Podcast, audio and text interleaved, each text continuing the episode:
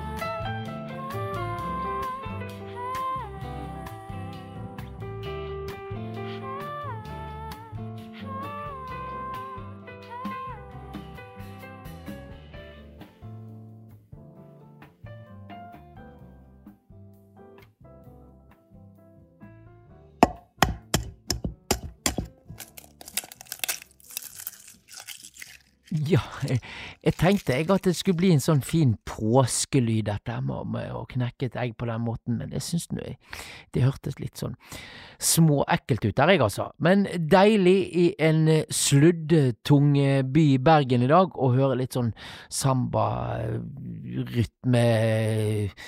bossa nova, om du vil, eh, fra Garnes-søstrene her, da.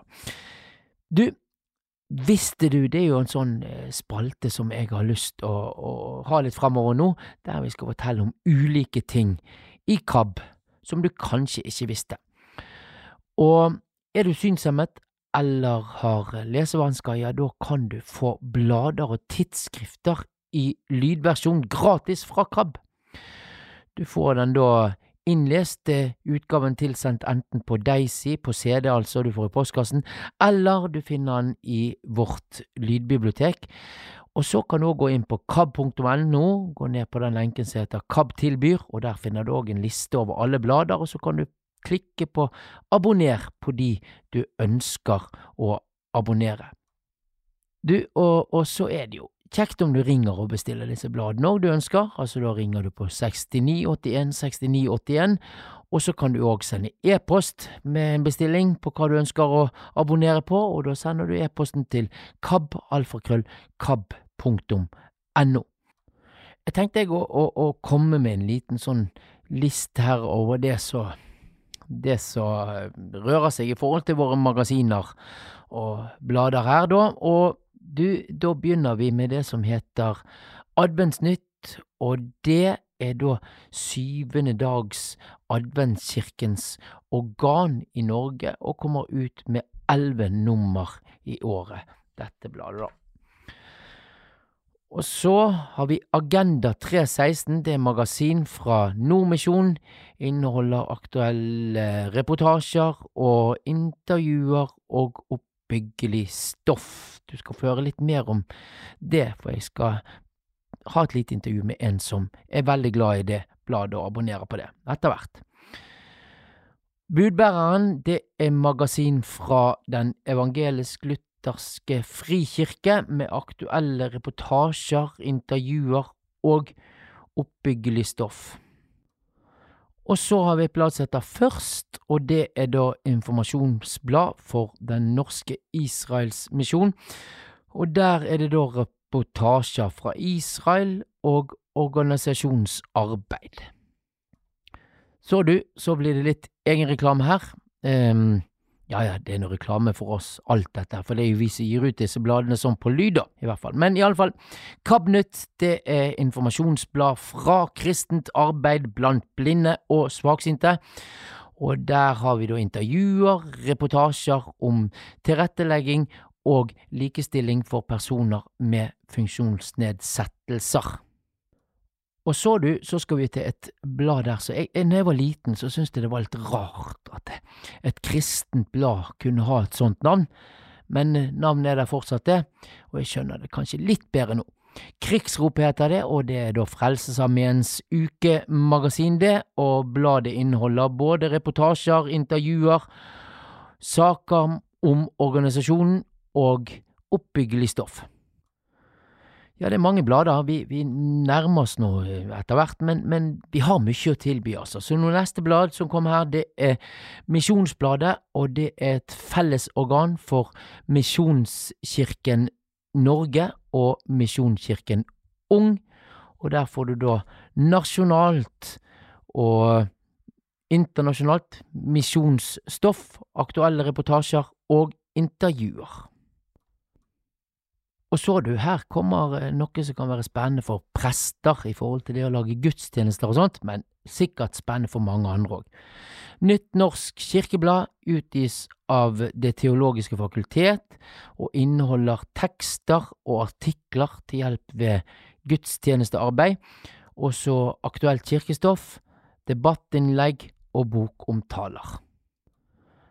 Det er ikke slutt ennå, altså. Vi har flere magasiner å tilby. Et her som heter Utsyn, og det er misjonsmagasin fra Norsk Lyttersk Misjonssamband. Og så Vern om livet heter et annet blad. Det er informasjonsblad utgitt av organisasjonen Menneskeverd, og inneholder da aktuelle reportasjer om inkludering, eh, likestilling, og livets rett for alle mennesker. Og så til en avis som er veldig populær. Det er mange som låner den og setter pris på denne avisen, så du får på lyd servert hver dag fra, fra KAB. Og det er da avisen Vårt Land, som er en partipolitisk fri, uavhengig kristen dagsavis. Så av det tilsies det at han kommer ut hver dag. Så har vi Sankt Olav katolsk kirkeblad, Den katolske kirkens informasjonsblad, med aktuelle reportasjer, intervjuer og oppbyggelig stoff. Magasinet Stefanus fra organisasjonen Stefanusalliansen, med reportasjer om eh, forfulgte kristne i mange land. Det er det neste bladet vi har å tilby. Neste blad det heter så mye som Strek, og det er tverrkirkelig reportasje- og fordypningsmagasin med nøkkelordene da tro, rotfeste og aktualitet. Det var altså Strek. Jeg sa for litt siden at vi skulle komme tilbake til dette her med Agenda 316, for nå skal du få høre fra en som er veldig glad og leser mye av dette bladet. Jon Haugteien heter han. Det er veldig bra. Jeg begynte som abonnent for en 10-12 år siden. Ja. Et prøveabonnement først, og så syntes jeg det var et fint kristent magasin, så da ble jeg fast abonnent. Mm. Men så har synet forandra seg under marsjen, så da har jeg hatt det på lyd fra KAB. Å ja, du, Det gir meg, det gir meg muligheten til å høre det, da. Mm. ja, du fikk det først på, på vanlig skrift, og så etter hvert så endret synet seg, og da måtte du få det på lyd? Ja. Ja. Det er veldig lurt, i hvert fall. Mm.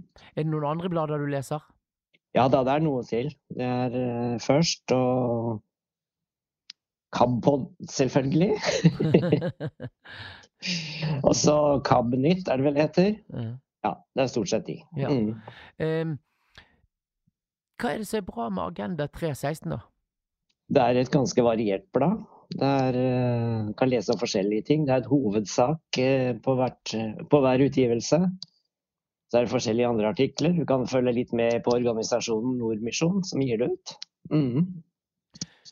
Du, visste du at det var mulig å få dette her eh, bladet på lyden og synet ditt ble svekket? Eh, Jeg følger jo KAB på informasjonssida, så jeg snappa det vel opp den veien, kan jeg tenke meg. Hva, er, hva mer bruker du KAB til, da? Ja, jeg er jo på de store arrangementene eh, hvert år, da.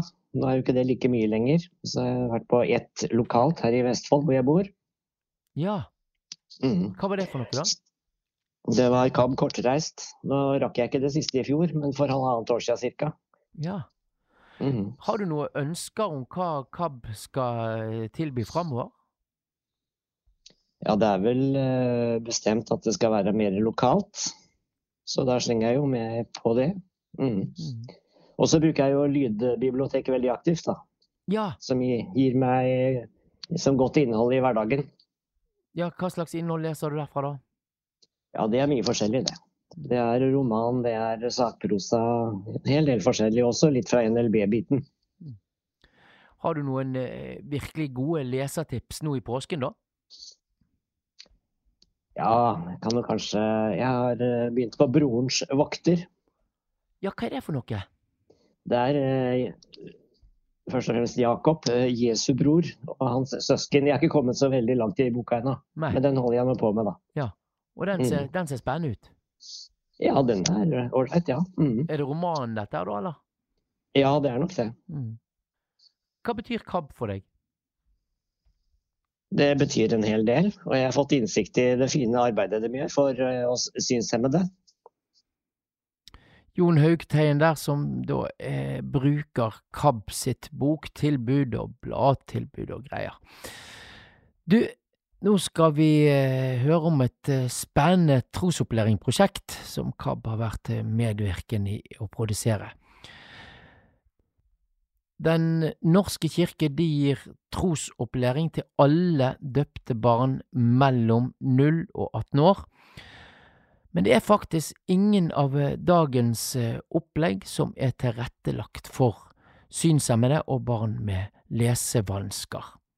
KAB har lenge pekt på at dette er et problem, og i 2021 så søkte da produsent og forfatter Karen Kilane sammen med KAB og Sandnes Media om støtte da til å utvikle et nytt trosopplæringsopplegg for barn fra syv til elleve år, som kan da brukes av alle. Lyders påske det er nytenkende, og hensynet da til barn med funksjonsnedsettelser, det er naturlig integrert i alle ledd. Lydias påske, det er ni fortellinger, og der du da får høre om eh, tiåringen Lydia, som lar oss da bli kjent med påskefortellingen. Alt finnes på nettsiden www.lydiaspaske.no, og du, det er helt gratis. Det finnes eh, lite materiale for barn som, som, som handler om påskens drama, så serien den er tenkt som et eh, livsmestringsverktøy for eh, samtaler med barn om eh, tap, sorg og død. Det finnes egne aktivitetskort for hver dag. På nettsiden kan du finne disse. Og KAB de har da vært konsulenter og bidratt med kompetanse og kunnskap. Lydias påske den kan brukes av hvem som helst, hjemme i stuen eller på barnerommet, sammen med familie eller helt alene. Det kan eh, brukes som andakter og opplegg for barn og unge. Det er sånne fine påskeaktiviteter der òg, og samlinger da rundt det påsken egentlig handler om. I tillegg er det òg eh, lagt et et eget opplegg i forhold til en, å lage en gudstjeneste med ulike da, stasjoner og aktiviteter. Og nå, nå skal du få en liten smakebit. Du får første episode i denne hørespillserien om Julias påske.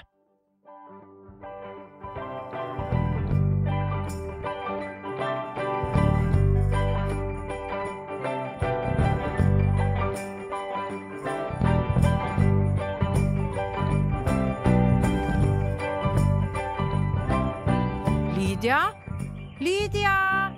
Kom tilbake! Men jeg stanset ikke. Mamma kunne få stå der alene og tenke seg om. Kanskje hun endelig ville forstå hvor feil det hadde vært å flytte. Det blir nok fint i Jerusalem, selv om ikke vi har familie der. Du får jo så lett venner, hadde mamma sagt. Hun forsto ingenting. Jeg ville ikke ha nye venner. Jeg ville tilbake til fetterne, kusinene og de andre hjemme i Betlehem. Heldigvis hadde bestemor flyttet med oss, og det var til henne jeg var på vei nå. Jeg stanset ikke før jeg kom fram til den siste bakken opp til det lille huset hennes. Der prøvde jeg å få igjen pusten. Alle de voksne syntes det var feil at en gammel dame bodde alene, men bestemor måtte jo ha plass til alle dyrene hun elsket, til hønene, sauene og eslene, som hun akkurat nå sto og stelte ute på tunet. Det var ikke pust igjen til å rope, men jeg vinket til henne. Bestemor så mot meg, men vinket ikke tilbake. Hun så liksom bare tvers igjennom meg. Så merkelig. Jeg rakk ikke å tenke mer over det, for plutselig fikk jeg sett noe som bevegde seg bak henne. Raskt løp jeg opp bakken og gjemte meg bak det store treet. Jeg hadde ikke sett feil. En svart skygge smøk seg sakte ned mot bestemor og eslene. Og så var det som om noen trakk ut alle kreftene fra armene og føttene mine, for nå så jeg at skyggen var et menneske, og han holdt en kniv i hånda.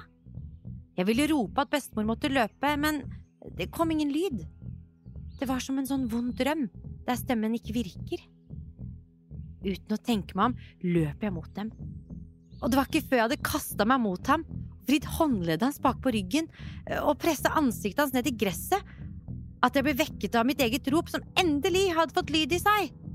Denne mannen skulle drepe deg, bestemor! Stemmen min var høy og rar. Det kom noen lyder fra ham, og jeg pressa ansiktet hans bare hardere ned i gresset.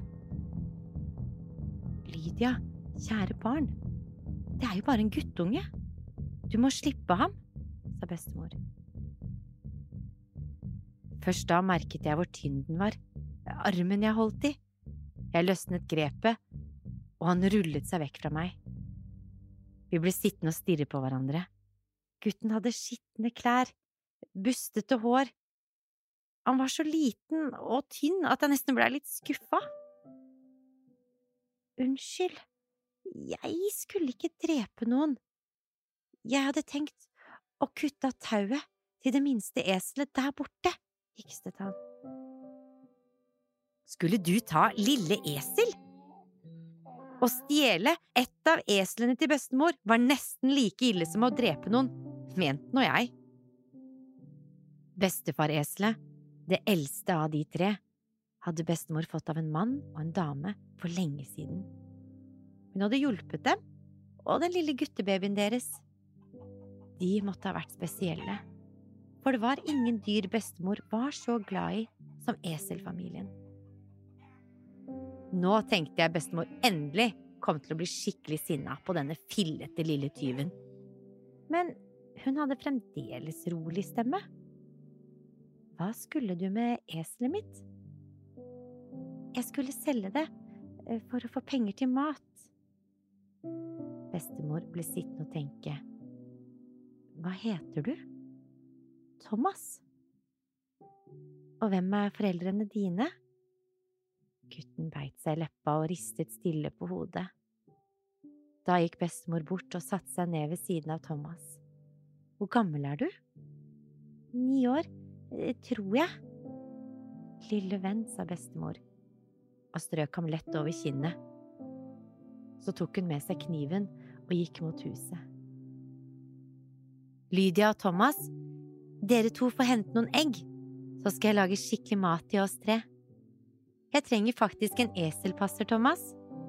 Du får betalt i mat. Masse mat.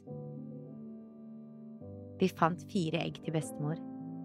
Så satte vi oss ned sammen med henne for å rense grønnsaker. Var det Lydia du het? Ja. Trodde du virkelig jeg var en knivmann som skulle ta bestemora di? Og så kaster du deg bare over meg? Jeg trakk litt på skuldrene. Da må du være den modigste jeg har møtt. Var du ikke redd engang?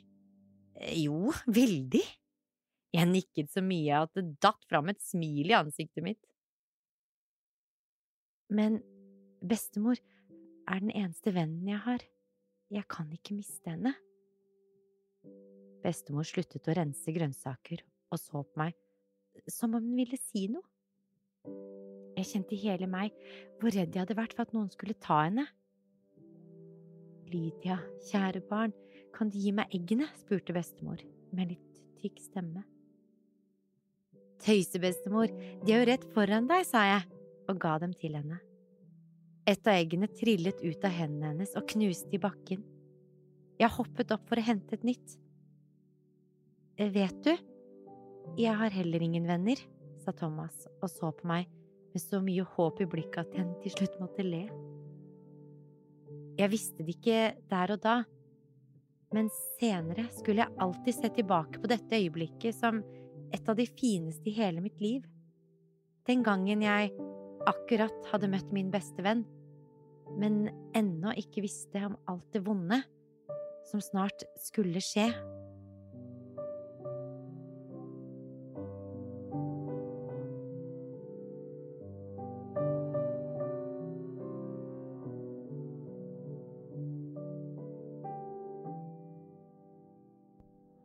Det var første del det av Lydias påske, og syns du dette her var spennende, så finner du det både på nettsiden, alle episodene, eller du kan gå inn på Spotify, Apple Music, der du strømmer musikk, og så finner du der òg. Så det er gode muligheter for å høre hvordan det går med Lydia. Um, nå skal vi ta oss og eh, vandre litt i en annen sjanger og andre toner og andre ord. Jeg var så heldig at for noen år siden så fikk jeg lov å være med som produsent på en podkast der vi skulle lage en sånn påskevandring eh, gjennom bibeltekster og ulike musikalske uttrykk. De som er med her, er vokalist Ingrid Mostad Bråten, eh, organist Jon Stubberud. Eh, Leser én og leser to, hvis vi skal kalle det sånn, det er Arne Mulen og Sissel Mæland. Så sett deg ned og nyt.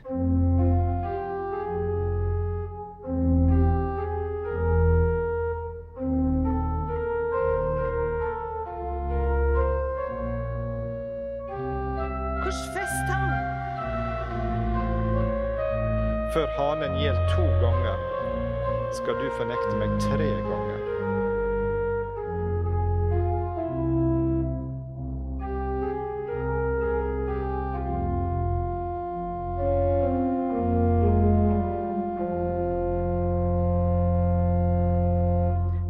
Da de nærmet seg Jerusalem og kom til Betfage og Betania ved Oljeberget, sendte Jesus to av disiplene av sted og sa til dem.: Gå inn i landsbyen som ligger foran dere.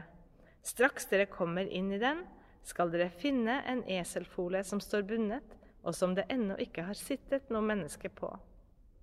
Løs den og før den hit.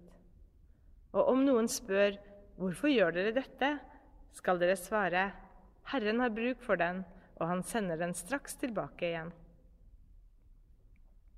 De gikk av sted og fant folen bundet ved en dør ut mot gaten, og de løste den. Noen av dem som sto der, sa da til dem, Hva er det dere gjør? Løser dere folen? De svarte som Jesus hadde sagt, og da fikk de gå. Så førte de folen til Jesus og la kappene sine på den, og han satte seg opp. Mange bredte ut kappene sine på veien, andre dekket den med grønne kvister som de hadde skåret på markene omkring. Både de som gikk foran og de som fulgte etter, ropte Hosianna! Velsignet er Han som kommer i Herrens navn! Velsignet er vår far Davids rike som kommer! Hosianna i det høyeste! Han dro inn i Jerusalem og gikk opp på tempelplassen. Etter å ha sett seg omkring overalt gikk han ut til Betania igjen sammen med de tolv, for det var alt blitt sent på dagen.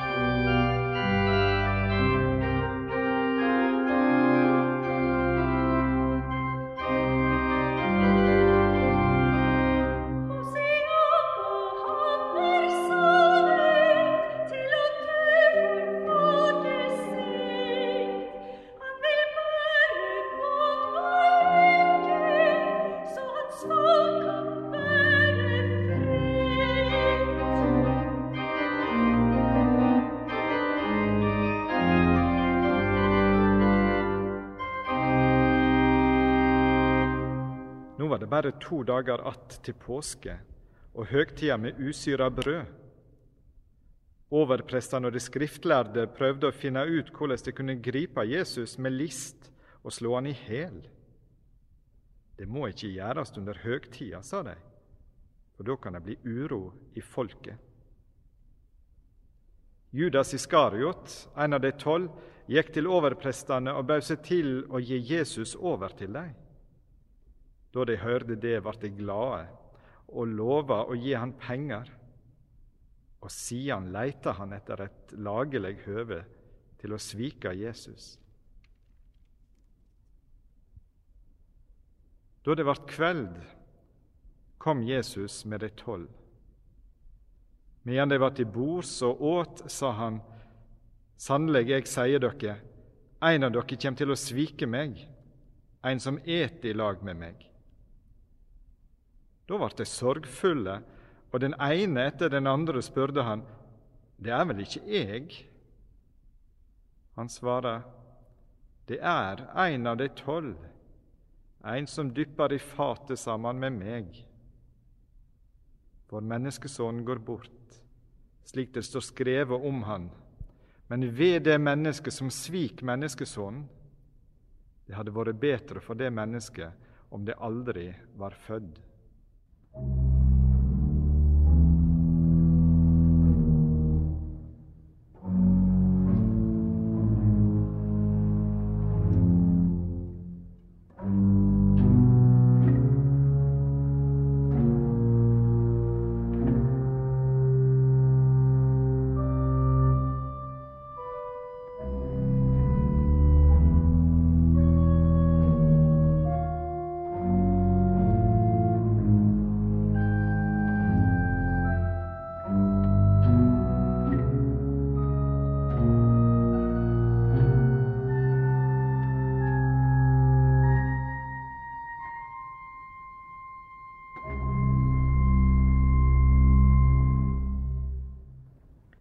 Mens de holdt måltid, tok han et brød, takket og brøt det, ga dem og sa, Ta imot, dette er min kropp. Og han tok et beger, takket, ga dem, og de drakk alle av det. Og han sa til dem, Dette er mitt blod, paktens blod, som blir utøst for mange. Sannelig, jeg sier dere, aldri mer skal jeg drikke av vintreets frukt før den dagen jeg drikker den ny i Guds rike.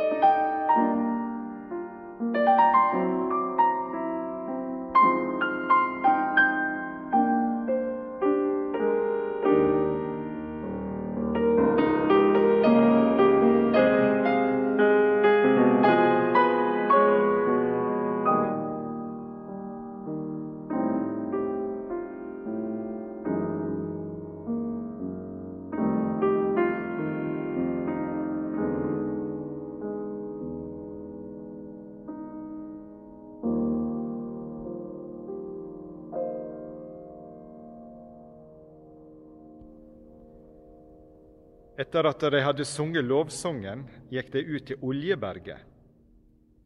Da sier Jesus til dem, De kjem alle til å falle ifrå og vende dere bort fra meg.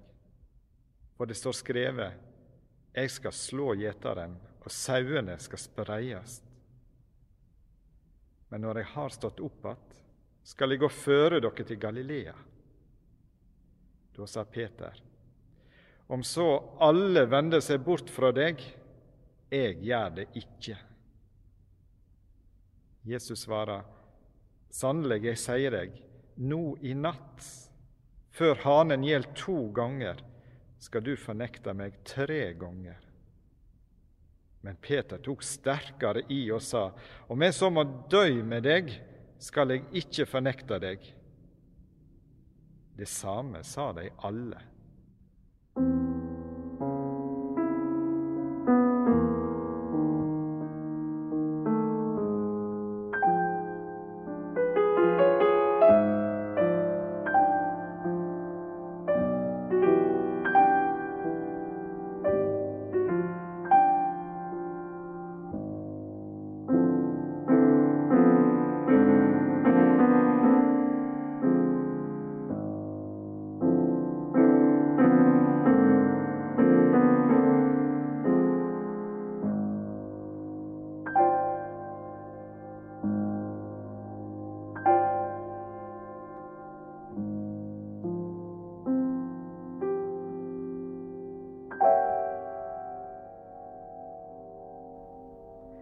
de kom til et sted som heter Getsemane, sa han til disiplene, Sett dere her mens jeg ber.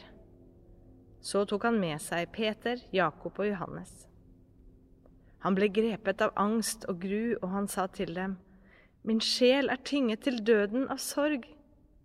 Bli her og våk.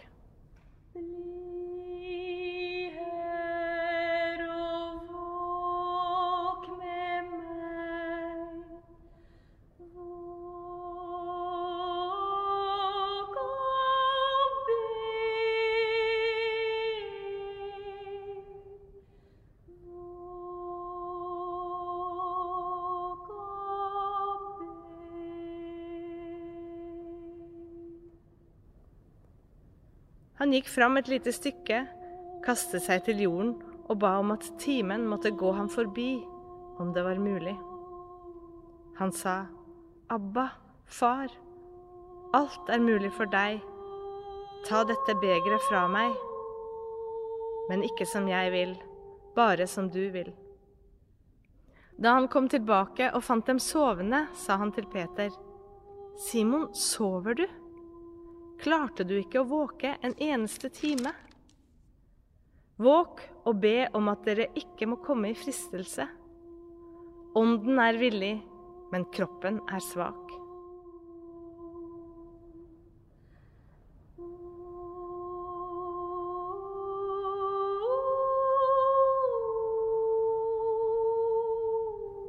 I det samme, før han hadde tala ut, kom Judas, en av de tolv, og med han en flokk som var væpna med sverd og stokker. De kom fra overprestene, de skriftlærde og de eldste. Svikeren hadde avtala et teikn med dem. Den jeg kysser, han er det. Ta han og før han bort med sikker vakt.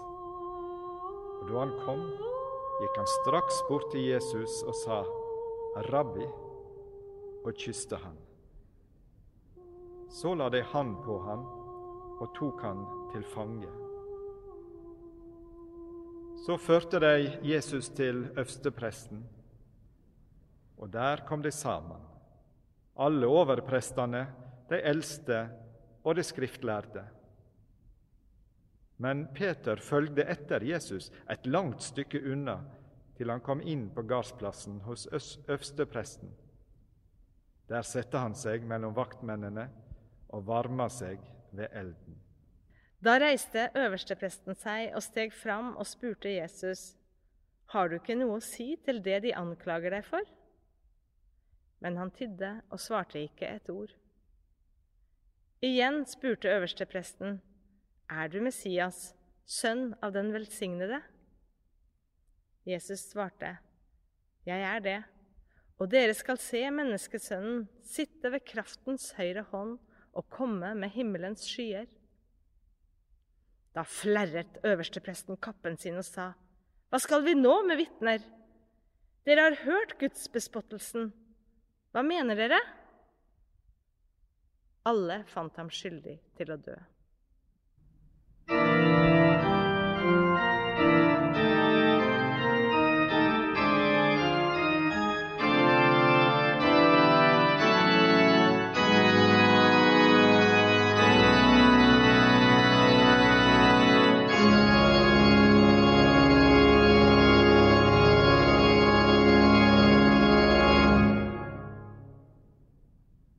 Medan Peter var nede på gardsplassen, kom ei av tjenestejentene hos øverstepresten. Da hun så Peter som satt og varmde seg, stirte hun på han og sa, Du òg var med denne Jesus fra Nasaret? Men han nekta. Jeg skjønner ikke og forstår ikke hva du snakker om, sa han og gikk ut i portrommet.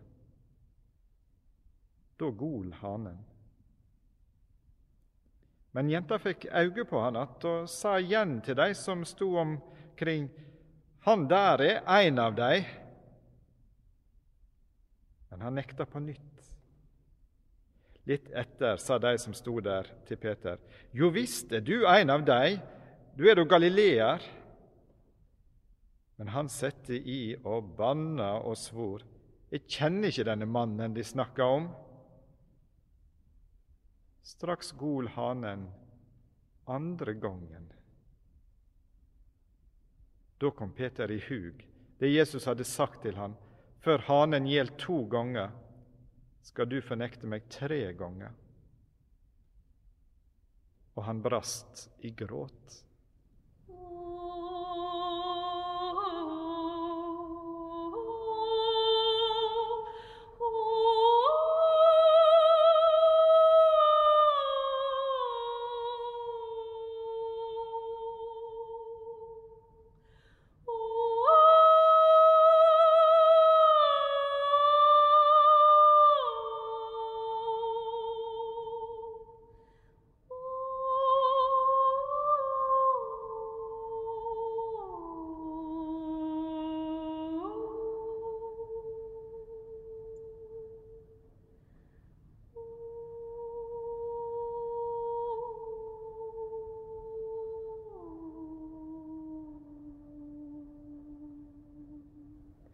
Straks det ble morgen, og overprestene med de eldste og de skriftlærde, altså hele rådet, hadde holdt møte, bandt de Jesus, førte ham bort og overga ham til Pilatus.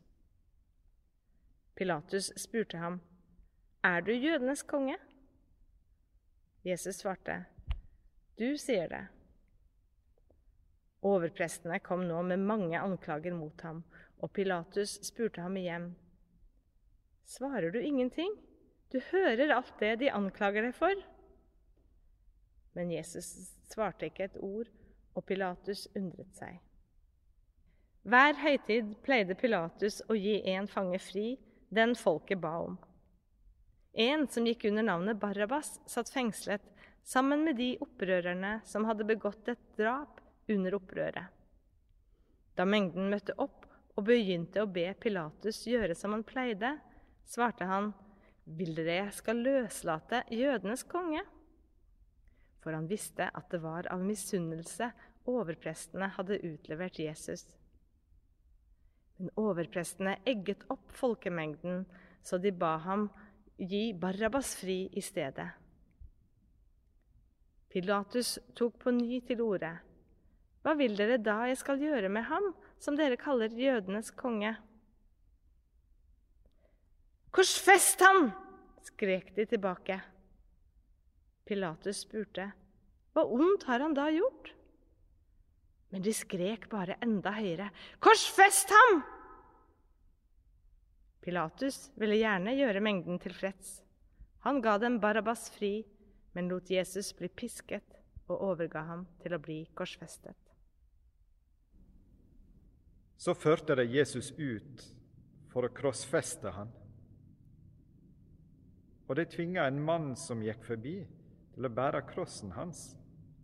Det var Simon fra Kyrene, far til Alexander og Rufus. Han var på vei inn fra markene. De førte Jesus til den staden som heter Golgata. Det tyder hovedskallestaden. Der bød de han vin med myrra i, men han ville ikke ha det. Så krossfester de han. Klærne hans delte de mellom seg ved å kaste lodd om hva plagg hver av de skulle ha. Det var omkring den tredje timen de krossfesta han.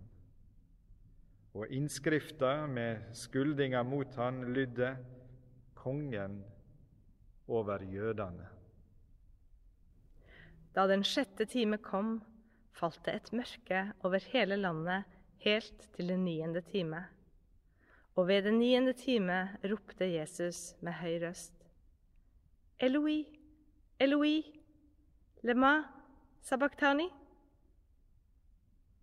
Det betyr, Min Gud, min Gud, hvorfor har du forlatt meg? Noen av dem som sto der, hørte det og sa, Hør, han roper på Elia. Da løp en bort og fylte en svamp med vinedikk, satte den på en stang og ville gi ham å drikke. Han sa, Vent, la oss se om Elia kommer for å ta ham ned. Men Jesus ropte høyt og utåndet og forhenget i tempelet revnet i to, fra øverst til nederst. Da offiseren som sto rett foran ham, så hvordan han utåndet, sa han, sannelig, denne mannen var Guds sønn.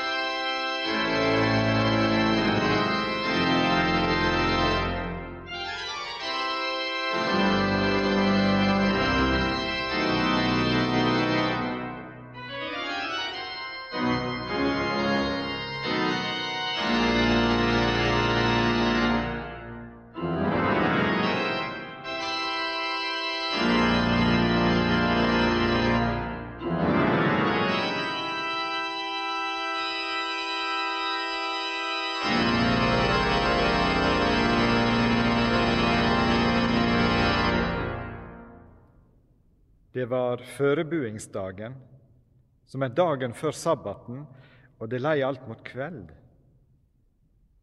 Josef fra Arimathea, en høgt akta rådsherre, som sjøl venta på Guds rike, tok da mot til seg og gikk til Pilatus og ba om å få Jesu kropp. Pilatus undra seg over at Jesus alt var død. Han kaller til seg offiseren og spurte om han hadde vært død lenge. Da han fikk dette stadfestet av offiseren, let Pilatus Josef få liket.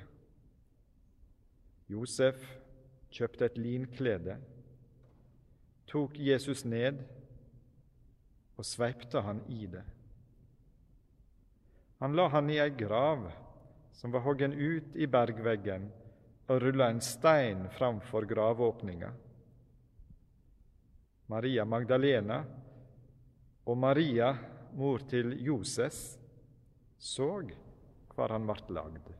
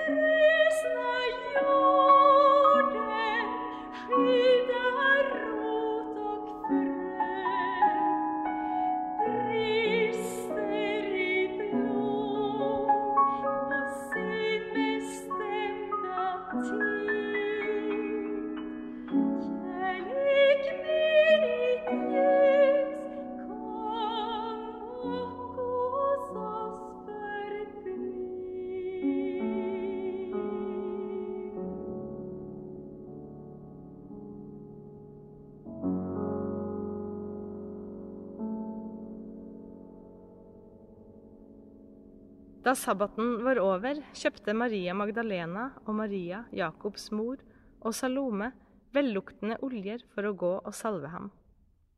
Tidlig om morgenen den første dagen i uken kom de til graven da solen gikk opp. De sa til hverandre, Hvem skal vi få til å rulle bort steinen fra inngangen til graven?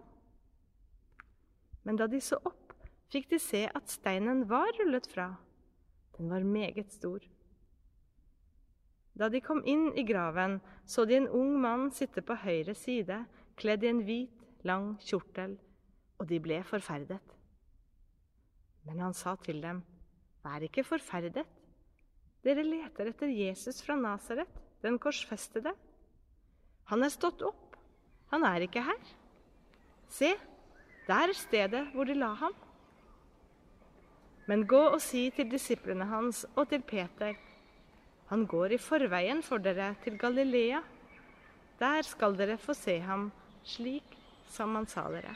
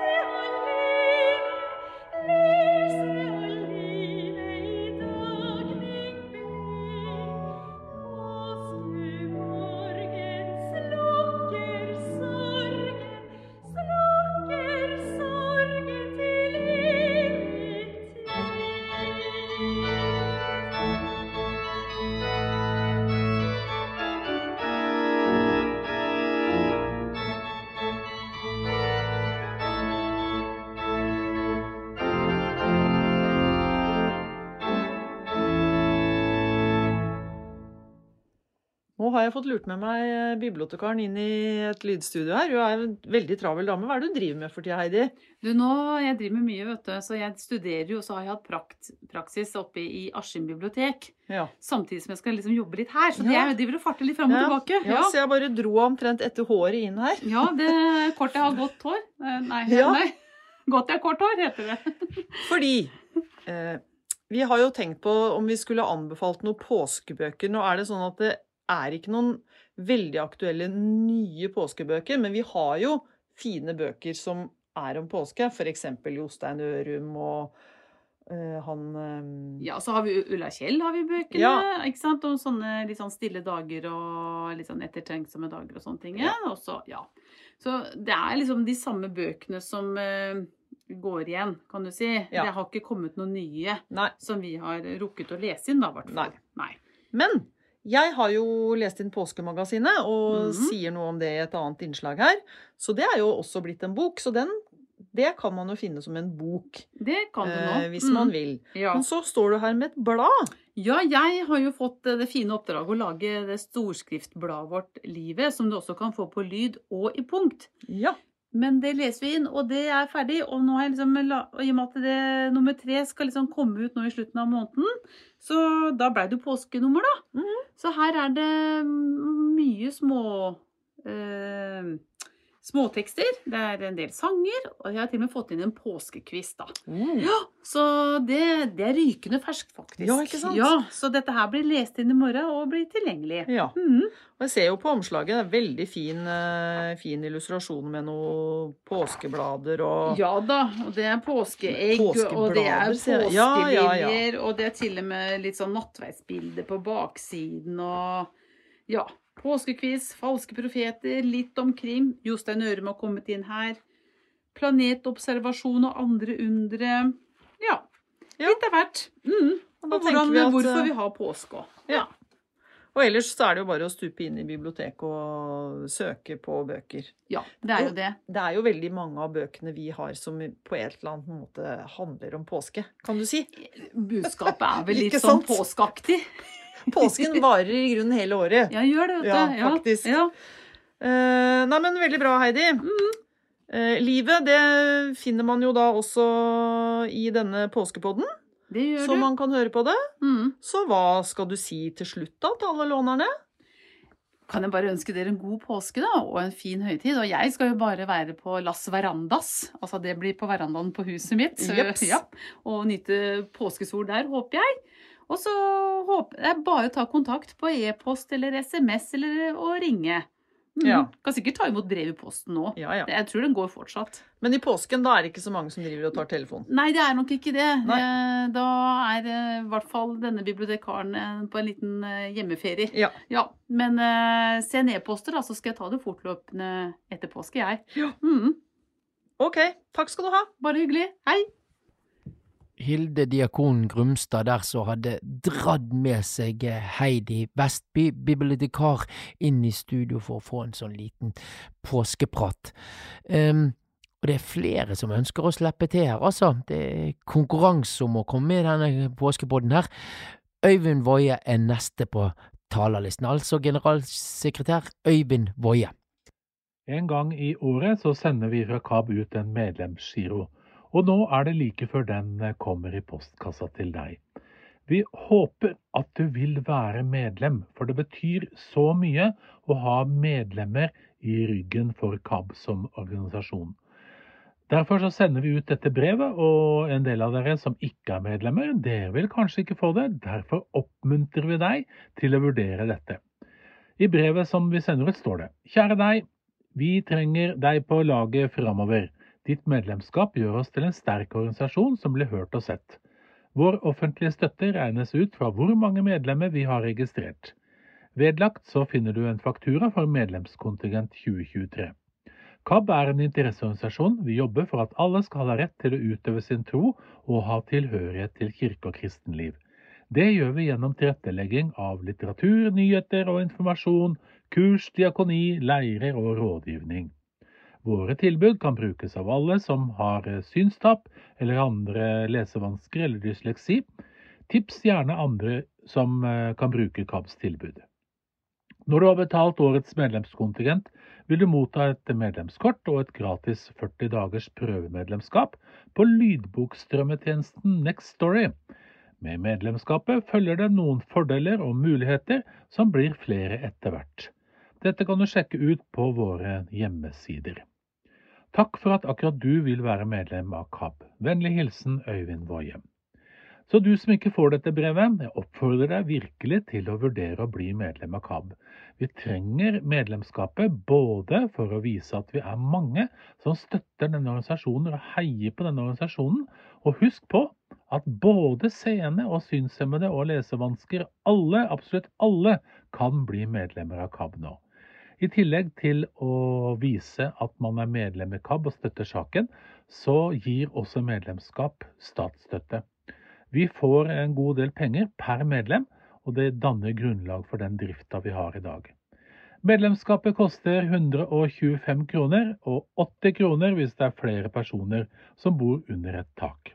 Så her var brevet du kommer til å få, og får du det ikke, så ta kontakt og meld deg inn. Øyvind Woie der med en viktig melding. Det er viktig det der å betale kontingenten når man får den, ellers er det så steikende lett å glemme den. Du, nå håper jeg at du har syntes at dette her har vært givende å høre på, for nå går det mot slutten, men det er slutten av dette magasinet, men ikke slutten på podkasten, fordi at nå skal du få et helt magasin innlest av diakon Hilde Grumstad. Og hun, før hun begynner å lese dette magasinet, så har hun lyst til å si noen velvalgte ord òg. Takk for meg, og takk for at du hørte på. Nå skal jeg snakke om eh, et nytt påskemagasin. Som rett og slett heter Påskemagasinet Stille dager 2023. Det er et blad som er gitt ut i samarbeid mellom NMS og Bibelselskapet. Og her om dagen så, så jeg på Facebook at Knut Grønvik, en prest som kanskje noen av dere vet hvem er, han hadde fått dette bladet i postkassa si, og nå skal du få høre hva han sier om bladet. Jeg fikk påskemagasinet fra NMS mellom hendene. Jeg ble glad. Jeg åpnet, ble gladere. Så vakkert, så variert, så godt komponert. Jeg ble dratt inn i bilder og tekster. Nå ligger det framme i stua. Jeg vil vise det til venner. Og når den stille uka er der, vil jeg åpne det igjen. Jeg gleder meg. Til salgs hos alle Nordli-bokhandlere. Dette bladet har jeg eh, fått muligheten til å lese inn. Det er ferdig innlest på to timer, 16 minutter og 21 sekunder. Og innholdet, det er variert. Eh, Det er forskjellige tekster og en god del fine bilder. Noe av det har jeg prøvd å synstolke, noe av det er jo ikke med i denne lydboka. Men det er tekster til palmesøndag, skjærtorsdag, langfredag, påskeaften, påskedag og andre påskedag. Det er noen eh, noveller. Det er et, eh, en novelle av Jon Fosse, for eksempel. Så er det en ny salme av eh, Olav Bremnes. Ola Bremnes. Så er det noen fortellinger fra rundt omkring i verden. Eh, påske på Madagaskar. Eh, påske i Etiopia. Eh, det er en brødoppskrift, hvor du kan altså få lære hvordan du kan lage et veldig godt påskebrød. Og helt til slutt så er det også en påskebetraktning av Sunniva Gylver. Så her er det altså veldig mye godt stoff å glede seg til. Noe av det er på bokmål, mye av det er på nynorsk, så det får du bare ta som du får det servert. Ehm, men gled deg, og hør på det. Det kommer helt på slutt i denne påskepodden, Påskemagasinet. Og det er delt inn i kapitler, så da kan du velge sjøl. Eh, Hvis det er noe som kommer som du tenker nei, dette var ikke så interessant, så er det bare å hoppe til neste. Mange gode ting å høre på. Så da har jeg lyst til å bare ønske dere alle en riktig god og velsigna påskehøytid. Og så kan vi jo feire påske egentlig hele året. Det er det som er så fint. God påske, alle sammen.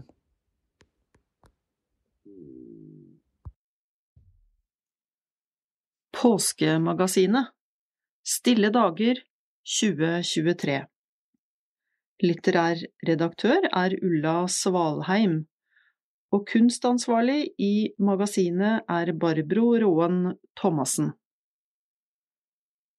Forlag Det Norske Bibelselskap og NMS. Innleser Hilde Løven Gromstad. Denne utgaven er produsert av Kristent arbeid blant blinde og svaksynte i 2023. Eksemplaret skal ikke videredistribueres, og kan kun kopieres til privat bruk. Dobbelt nærvær Et forord av Martin Eikeland, som har vært med som redaktør fra NMS.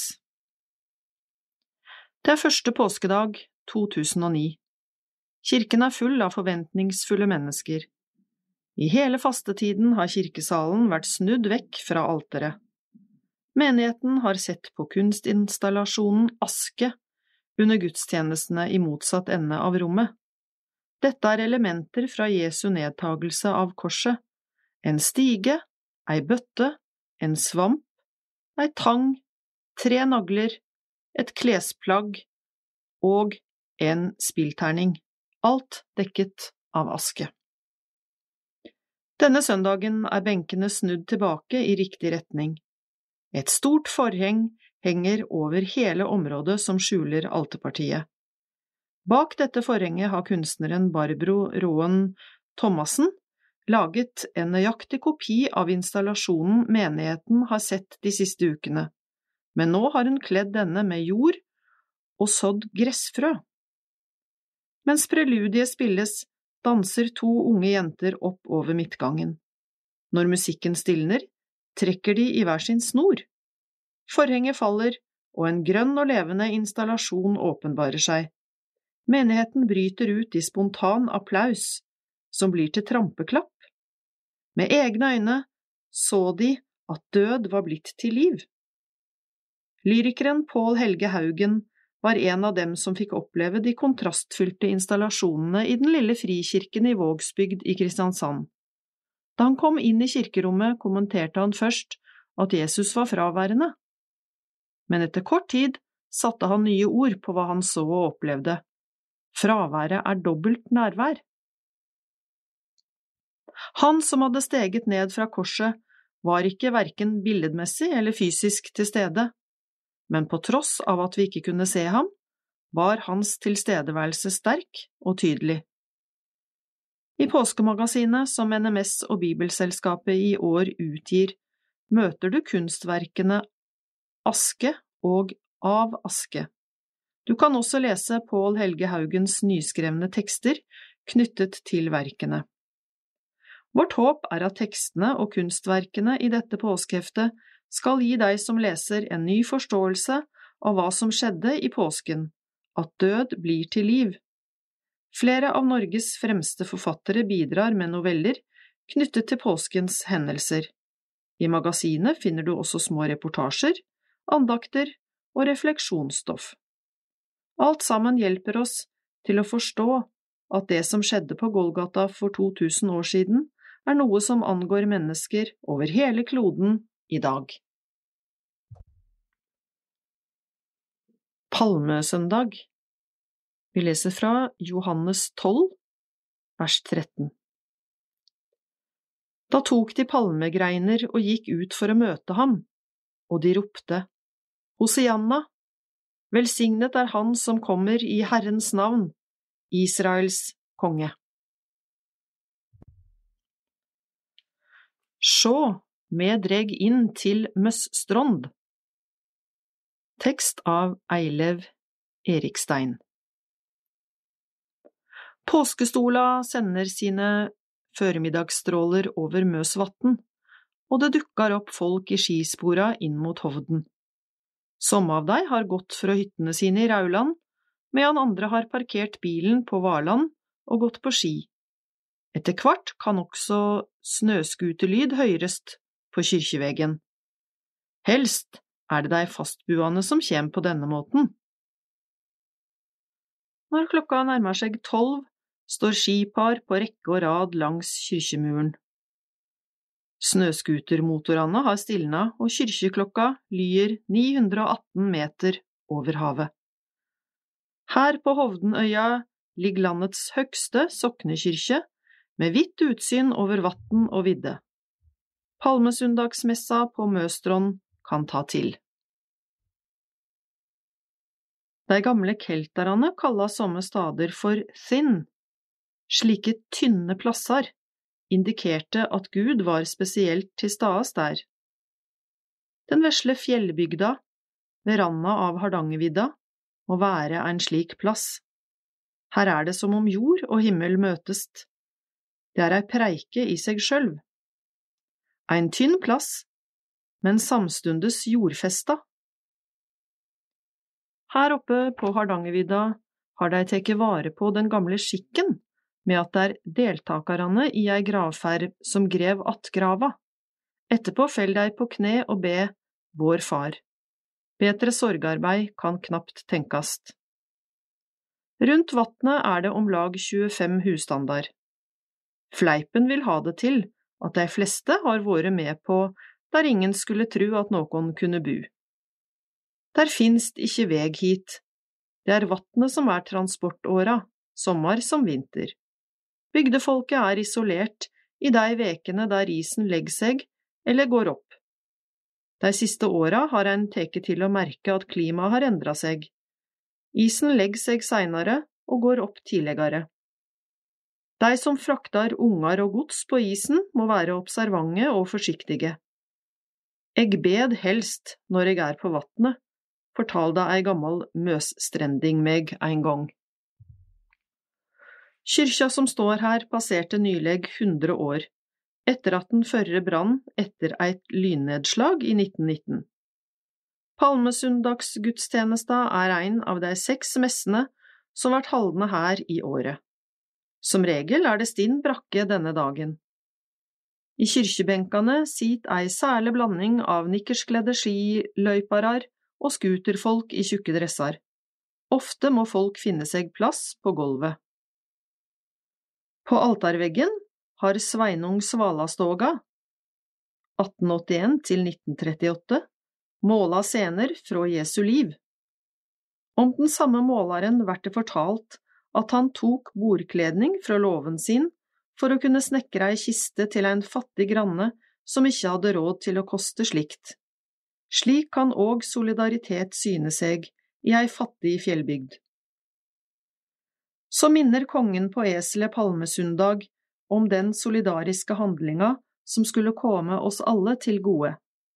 Gud laga ein kross for sin egen sønn for å frelse oss. Det er ikke til å forstå, men mer å takke for. Stein Meren skriver Det ensomste av alle trær er korsets tre. Det blomstrer først i himmelen.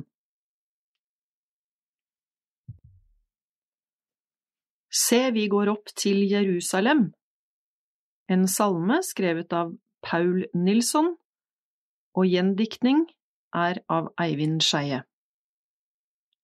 Se, vi går opp til Jerusalem i hellige fastetider, og ser hvordan Jesus, Guds egen sønn, i stedet for syndere lider. Se, vi går opp til Jerusalem, hvem deler Vår Herres smerte? Hvem våker med Jesus i verdens natt og bærer hans sorg i sitt hjerte?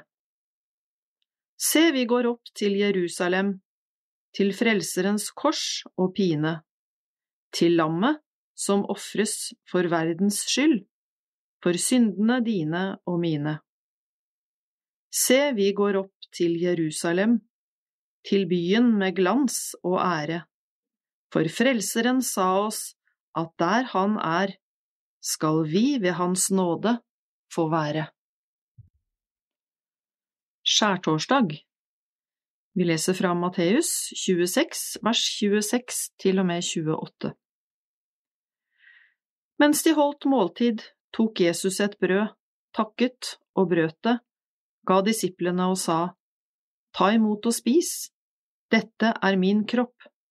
Og han tok et beger, takket, ga dem og sa, Drikk alle av det, for dette er mitt blod, paktens blod, som blir utøst for mange så syndene blir tilgitt.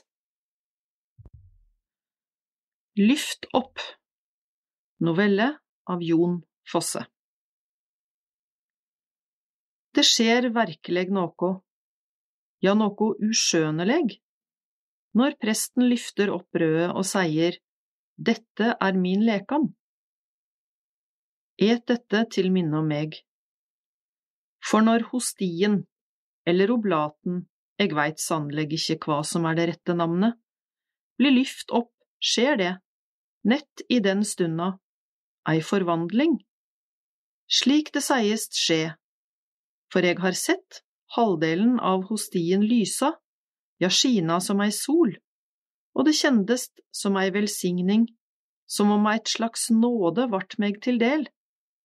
Medan andre ganger går hostien som i eit med veggen bak presten, og kan ikkje sjåast i det heile. Og eg lurer da på hva det kan tya, på om det er eit godt eller eit dårleg teiken. Men eg har enda opp med å tenke på det som eit godt teiken, at hostien, at Korpus Kristi, at Kristi lekam, så å seia blir eit med kyrkja som Kristi andlege lekam.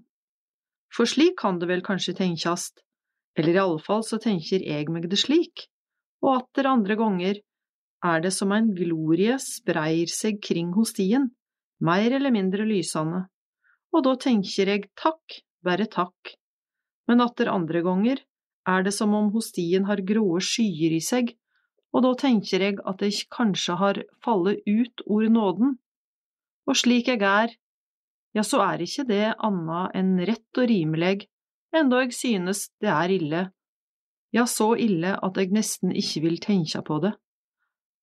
men unders verk, alltid, ja, eg vågar sei alltid.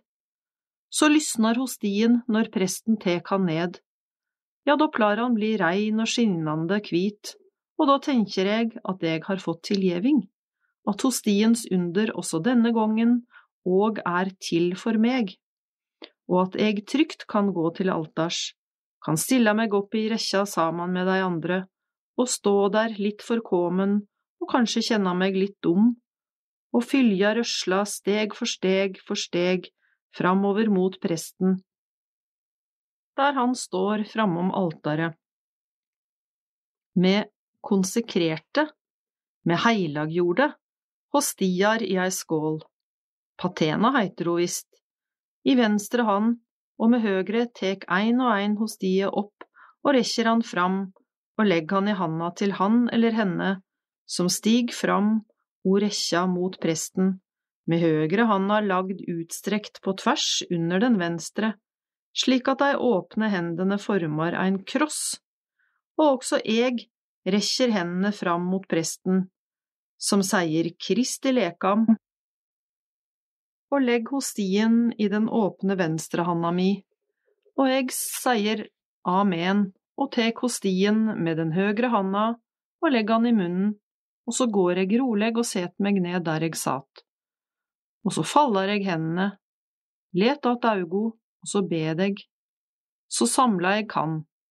Eg be for alle dei mine, at Gud må passe på dei og hjelpa dei, og eg nevner dei med navn. Og om ein kvan eg kjenner, eller kjende til, er død, ja, så beg om at han eller ho må få kvila i fred framfor Guds åsyn, og så beg for andre eg tenker eg kanskje skulle ha bede for, og så freistar eg verta still, falla inn i meg sjølv i takksemd. Om det ordet kan nyttast, eller kanskje tenker eg berre at det er eit tillært ord, at eukaristien er takksemd, eller også det, i alle fall også det, mellom alt det andre han er, mysteriet i trua, sentrum i eller for liturgien. Ja, slikt, men egentlig er han dette useierlige andre, og eg ser at dei fleste andre knelar, medan eg bare sit på benken, framoverluta, med attlatne augo, med hendene falla, og eg tenker på det siste måltidet mellom Jesus og disiplene, det siste og det første. Og så tenker jeg på at slike måltid har holdt fram mellom dei som en gang kalla seg for dei små, og som vart forfylgde og skulla for å eta menneskekjøtt. Dette er min lekam. Et dette. Dei som så vart kalla for dei kristne, og som nå, i over 2000 år, har feira dette måltidet. Kommunionen, eukaristien, nattverden, og som òg nå, hver dag, hvert minutt, gjør det over heile verda.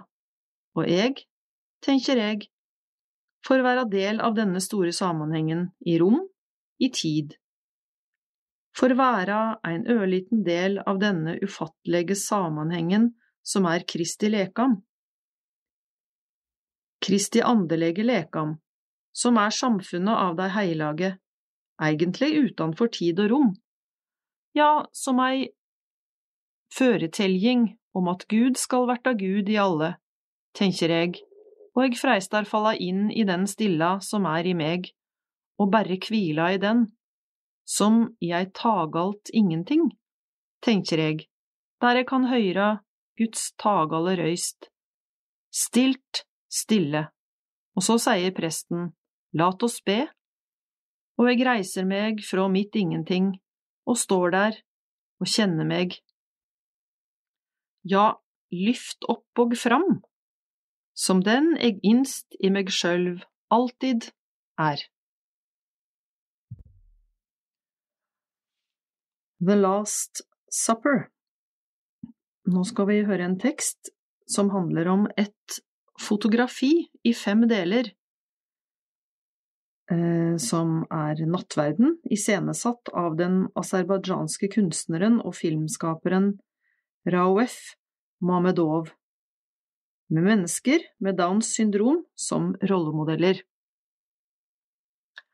På postmodernistisk, sjangeroverskridende vis kombinerer Mamedov filmteatrets egenskaper med fotografi, kunsthistorie, teologi og datateknologi. Kunstneren har slik iscenesatt flere nytestamentlige bibelfortellinger, hvorav nattverdmotivet må regnes som et hovedverk. Den som kjenner kunsthistorien, vil se at komposisjonen er bygd nøyaktig opp over Leonardo da Vincis berømte nattverdbilde fra renessansen. Jesus er plassert sentralt i midten ved et langbord, med seks disipler på hver side av seg, gruppert tre og tre. Positurer og gester er nøyaktig de samme. Den dramatiske lyssettingen mot sort bakgrunn, der bare Jesus og disiplene og bordet er opplyst, minner derimot om barokkens clair obscur, det vil si opplyst mørke, slik vi finner det hos Caravaggio og Georg de la Tour. At det er mennesker med Downs syndrom som fyller rollene som Jesus og disiplene, gir Mamedovs verk en nærmest profetisk betydning. I dagens samfunn er Downs-barna utrydningstruet. Det finnes imidlertid fortellinger fra en tid i Europa der mennesker med Downs ble regnet som en særskilt velsignelse. Brød og bordfellesskap Skrevet av Martin Eikeland Fellesskapet rundt nattverdbordet er velkjent i kristne menigheter over hele verden. Bakeentusiasten Karin Otilie Mollestad fra Lillesand vil gjerne supplere dette med sitt eget disippelbrød.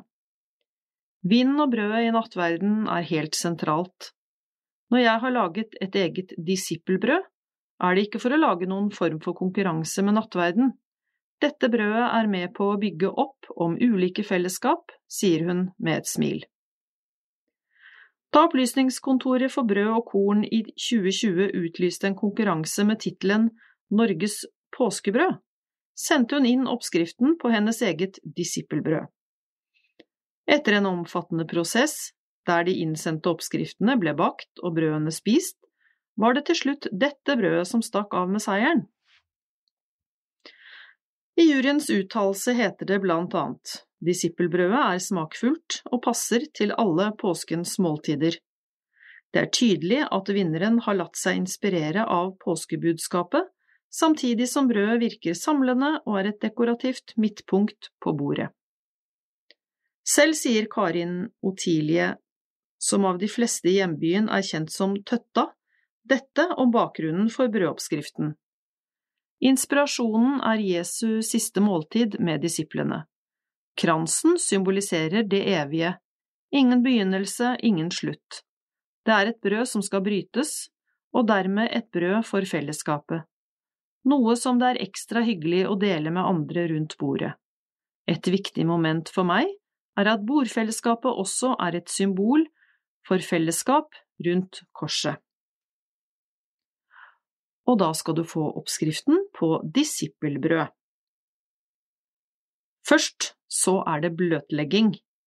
4 dl store havregryn, 10 dl vann.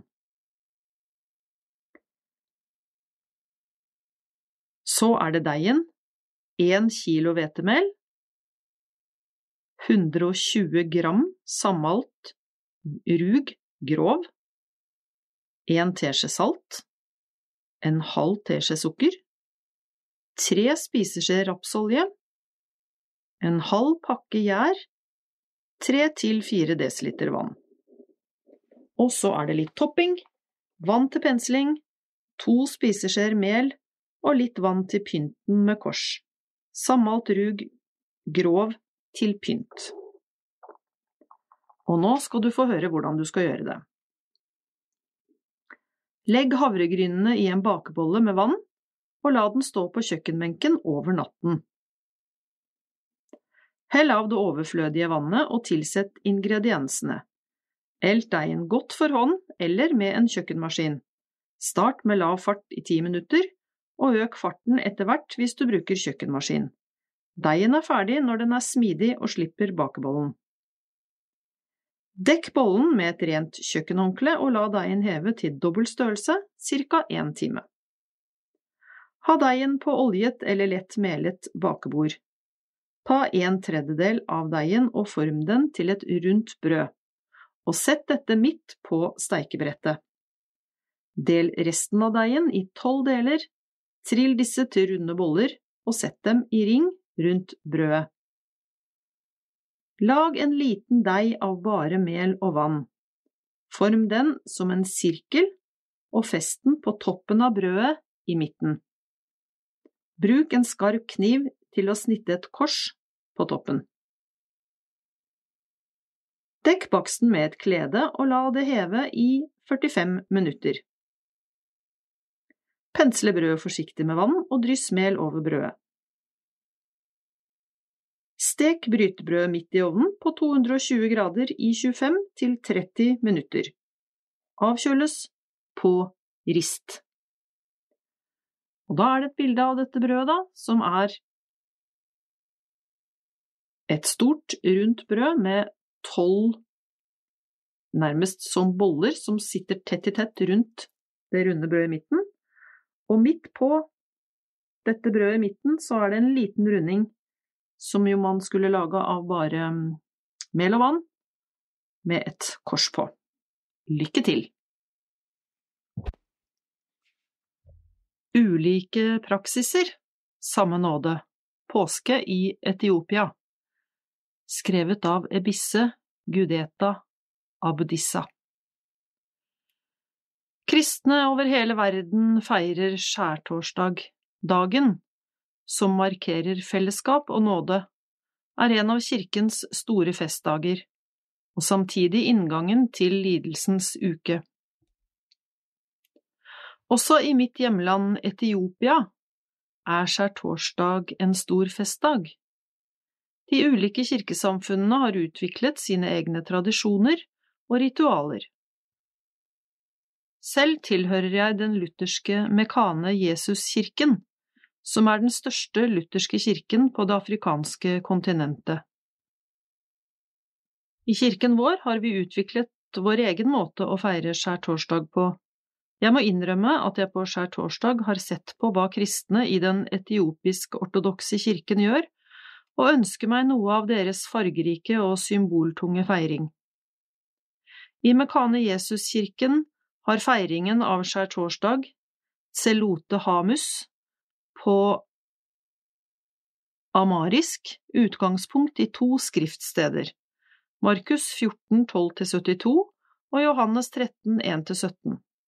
På bakgrunn av disse har kirken utviklet sin feiring av nattverdens sakrament. Hovedvekten blir lagt på Herrens måltid, altså nattverden.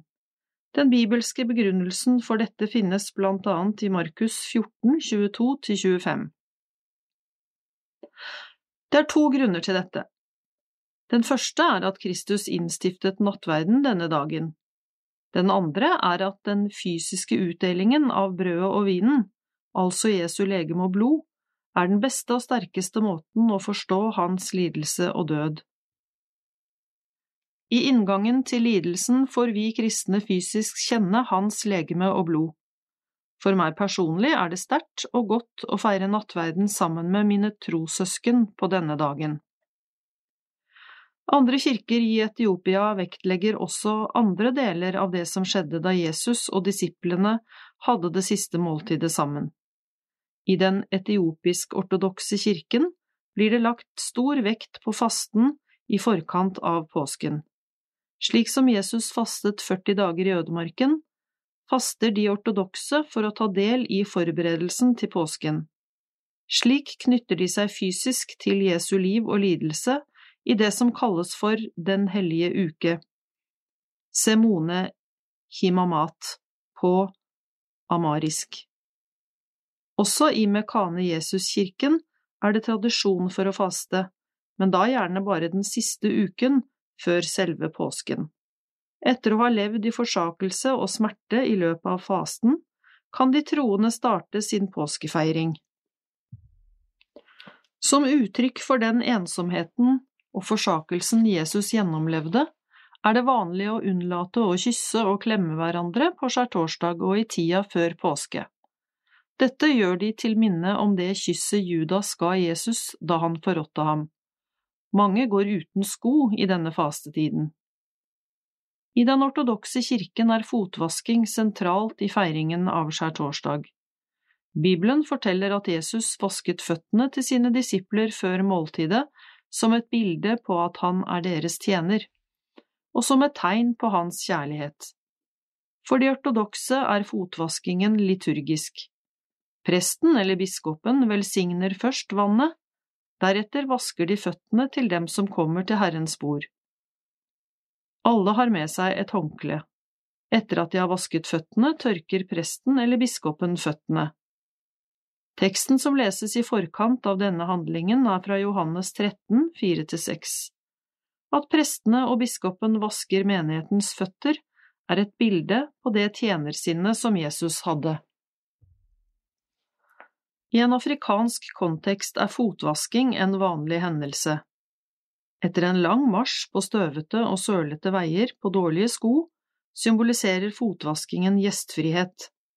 Vanlig praksis her i landet er at det er en hushjelp eller en annen ansatt som vasker gjestenes føtter. At mesteren Jesus bøyde seg ned og vasket disiplenes føtter, står i sterk kontrast til praksisen om at det er en tjener som gjør dette, både den gang og for oss i dag. Selv tenker jeg at den handlingen Jesus gjorde da han vasket sine venners føtter, har enda større betydning. Den minner om det offeret han gjorde for at vi skulle bli frelst.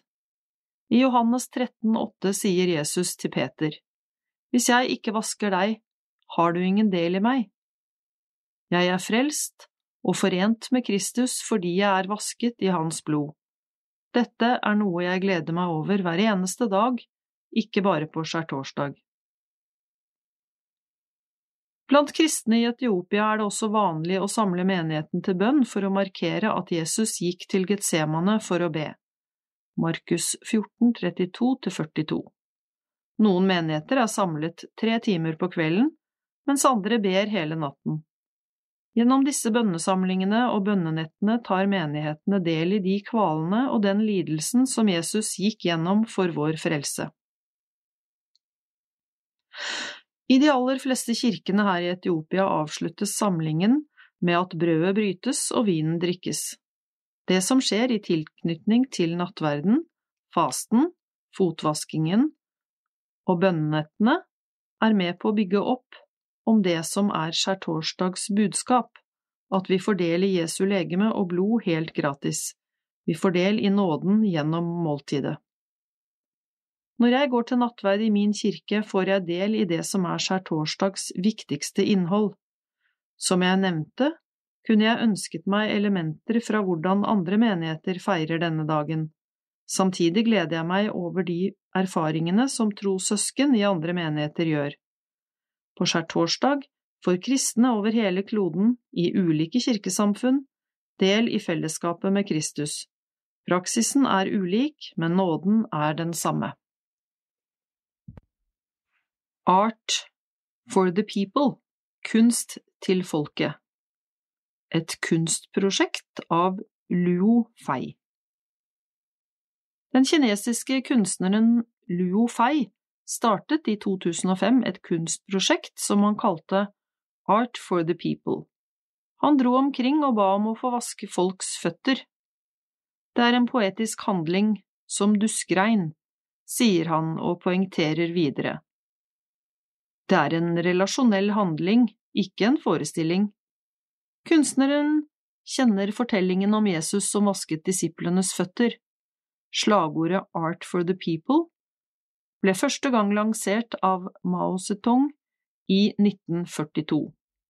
Gjennom sitt helt konkrete fysiske og hverdagslige prosjekt ønsker kunstneren å bygge tillit og vise respekt. Kunstnerens ydmyke handling gir den som får sine føtter vasket, verdighet. Og så følger det altså flere sider med bilder av en mann kledd i helt vanlige klær, T-skjorte, olabukser og joggesko, som vasker forskjellige menneskers føtter. Alltid i en lysegrønn balje. Det er unge mennesker, det er gamle mennesker, det er barn. I hverdagslige situasjoner, men alle får føttene sine vaska. Lang fredag. Vi leser fra Matteus 27, vers 46. Og ved den niende time ropte Jesus med høy røst, Eli, Eli, lema sabachthani. Det betyr, Min Gud, min Gud, hvorfor har du forlatt meg?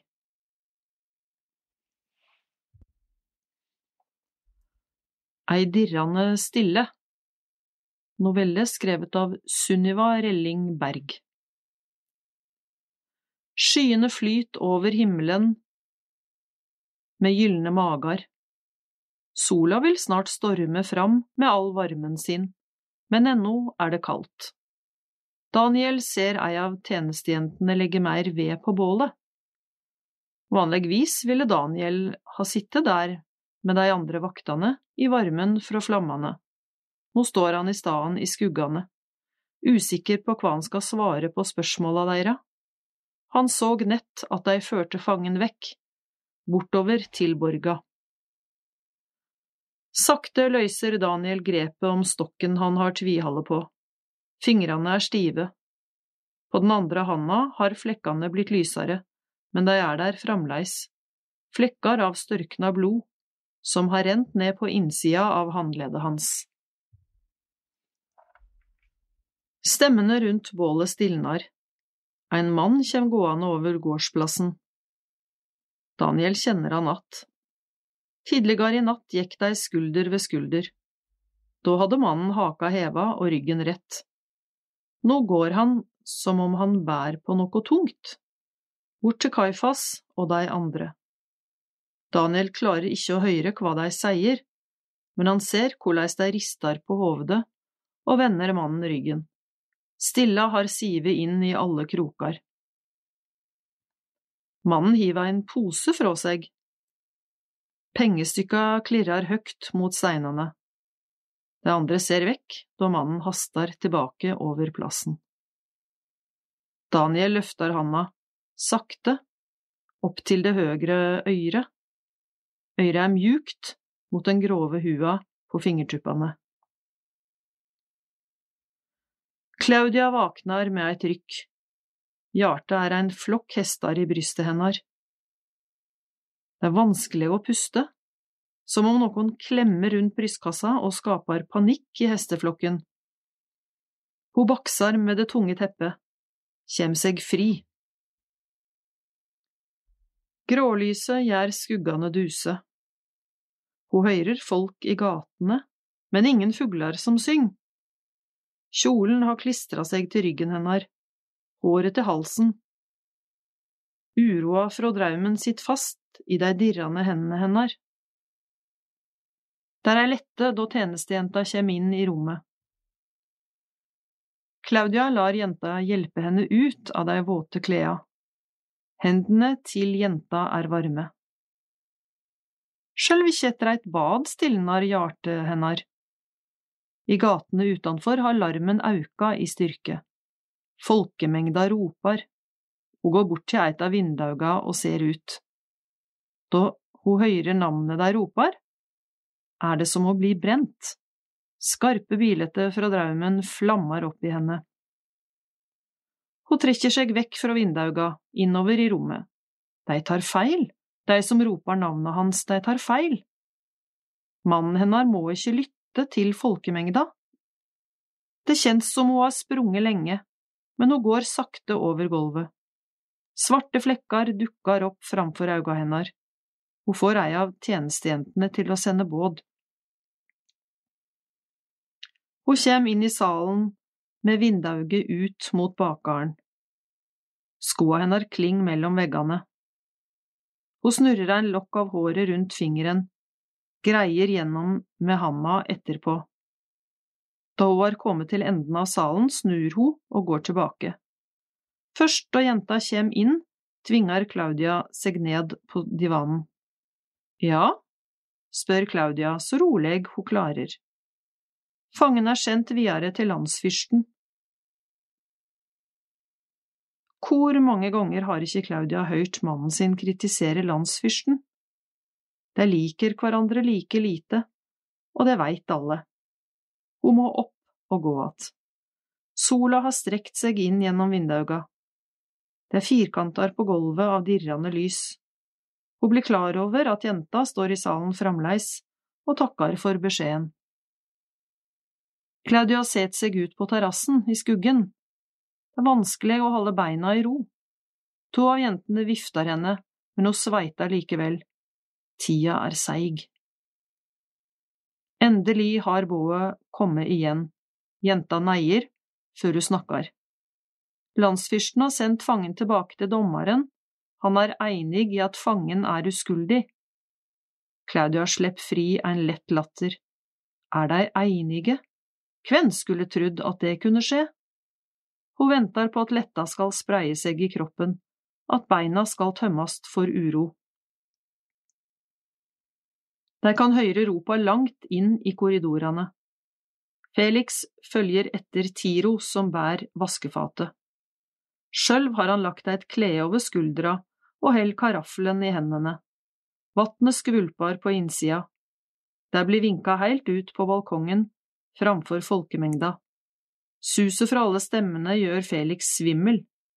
Dommeren retter ut hendene, og Tiro holder vaskefatet fram under deg.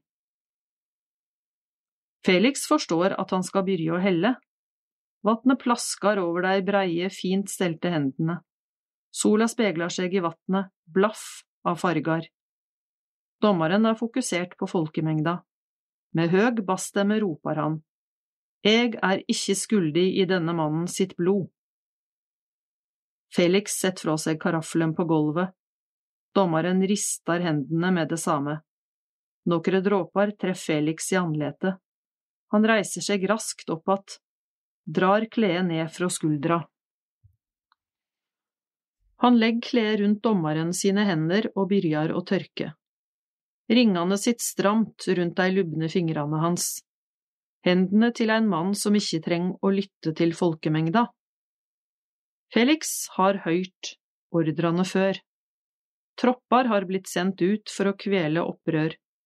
Nå roper dommeren over hoveda til alle folka. Dette er dykkar problem. Folkemengda svarer samstemt. Dommeren trekker hendene ut av kledet. Felix bukker og tar opp karaffelen. Dommeren er ei pingle, tenker Felix, ei bølle og ei pingle. Felix kjenner til flere sånne. Tiro går først inn i skuggene. Felix følger etter. Like før byporten får Helena et glimt av han mellom alle menneska. Han klarer nesten ikke å gå. Det er merkelig å se noen hun har hørt så mye om. Etter at de kom til byen, føler hun at alle de har snakka med, har nevnt navnet hans. Folk har sagt at han har gjort helt utrolige ting. Hun går inn i en rygg. Flere har stoppa opp. Mor prøver å roe veslebror som har byrja å sutre, han er sikkert sulten. Far leitar med blikket. Helena vil tippe han ser etter en veg vekk fra kaoset, men Helena må se hva som skjer først. Hun smetter inn mellom to høge karer. Der framme kan hun skimte to soldater. De har gripet tak i en mann. Er det ikke noe kjent med han? Hun presser seg nærere. Det er faren til vesle Alexander. Hun klatrer opp av en stein for å se bedre. På bakken ligger fangen. Han har søkket sammen under den tunge bjelken. Soldaten tvinger far til Alexander til å løfte opp bjelken. Hun forstår ikke hvorfor noen trodde at mannen som ligger der på bakken, ville klare å gjøre opprør mot romerne. En soldat må dra mannen opp på beina, og han sjangler framover. Han ser så svak ut. De to andre som skal avrettast, klarte å bære bjelken sjølv. Hun blir stående på steinen og se at mengda sig etter fangen. Brått kjenner hun et fast grep rundt arma. Hun ser ned i andletet til far. Det er rolig oppe ved tempelet. De fleste har gått nedover for å se avrettinga. Men Daniel blei beordra til å være att her. Han ser utover bygningene og byen. Sola er snart på sitt høgaste. Hun er skarp, brenn mot Daniels i panne. Fangen heng nok på korset nå. Nokre skyer har klumpa seg sammen i horisonten. Flere skyer er på veg. De sig over tempelplassen og kastar store skuggar, som om det var enorme kvaler som sumde forbi. Etter kvart har de dekka over sola. Heile kvelvinga blir fylt, og de hvite bomullsskyene har endra farge til skittengrå. Daniel kjenner eit gufs i nakken. Himmelen mørknar meir. Etter kvart har det blitt svart som natta. Han tenner ikke fakkelen, blir stående. Han veit ikke hvor lenge. Det ligger dirrende stille over hele landskapet. Brått høyrer han eit høgt ritsj. Eit mjukt, tungt dump fra inne i tempelet. Like etter kjenner han at det skjelv i heile muren under han. Det kjem høge brak fra klippene, som om sjølve berget sprekk. Du som låg i natti seine. Ei salme av Jakob Sande. Du som låg i natti seine, sorgtyngd, vanvørd og åleine, skjelvande på såre kne, du som skåli trufast tømde, medan alle dine rømde, stridsmann fra Getsemane. Du som spotta vart og banna, kront med klungerkrans om panna, medan augo brann i sorg. Du som sto i namlaus pine, skilt fra dei du kalla dine, einsam i Pilati borg. Du som hekk til krossen nagla, medan blod ut sveite hagla, frå di panne då du sa, Fader, kvifor gikk du frå meg? Og la nådens blodstraum nå meg, offerlam på Golgata. Lær mi sjel hvor du laut lida, syn meg såret ditt i sida, styrk og nør mi veike tru. Syn meg dine merkte hender, så eg frelst mitt auga venner, opp til deg på krossen du. Stridsmann fra Getsemane En tekst av Jan Inge Sørbø Jakob Sande var opprører, spottegauk, humorist og idyllikar. Men det som ser ut til å ha lengst levetid i produksjonen hans, er salmene. Jakob Sande hadde ei eiga evne til å skape innleving og medkjensle hos leseren. Han skriver personene sine inn i oss, så vi bærer deg med oss. Det samme gjør han i personsalmen sin, Du som låg i natti seine. Han skildrer den liende Kristus slik at vi bærer bilete med oss, vi kjenner det i kroppen.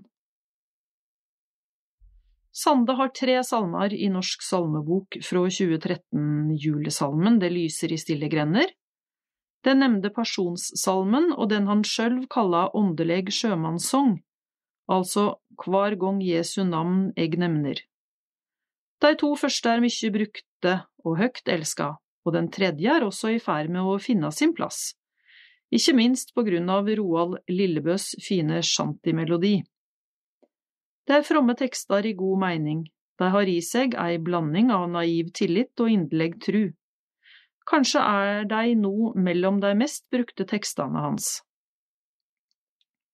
Slik var det ikke fra starten. Både i debuten Svarte neter, 1929 og fylgjande samlingar var det tre tekster med krass omtale av religiøst hykleri, parodier på prester og predikantar og et personleg opprør mot alle slags maktmenneske. Døme er det groteske Likfunn, eller den sjølironiske Nekrolog, der han førestiller seg si eia gravferd. Men sjølv låg eg djupt under jorda og skratta, og likte meg godt der eg låg.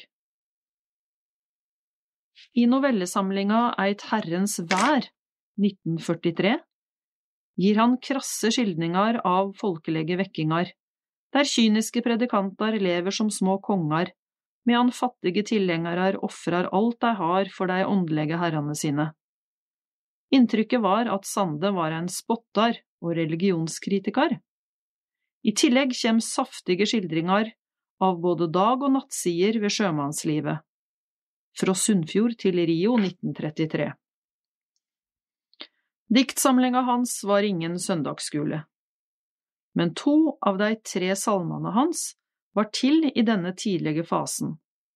I tida etter krigen var det ei anna side som vant fram.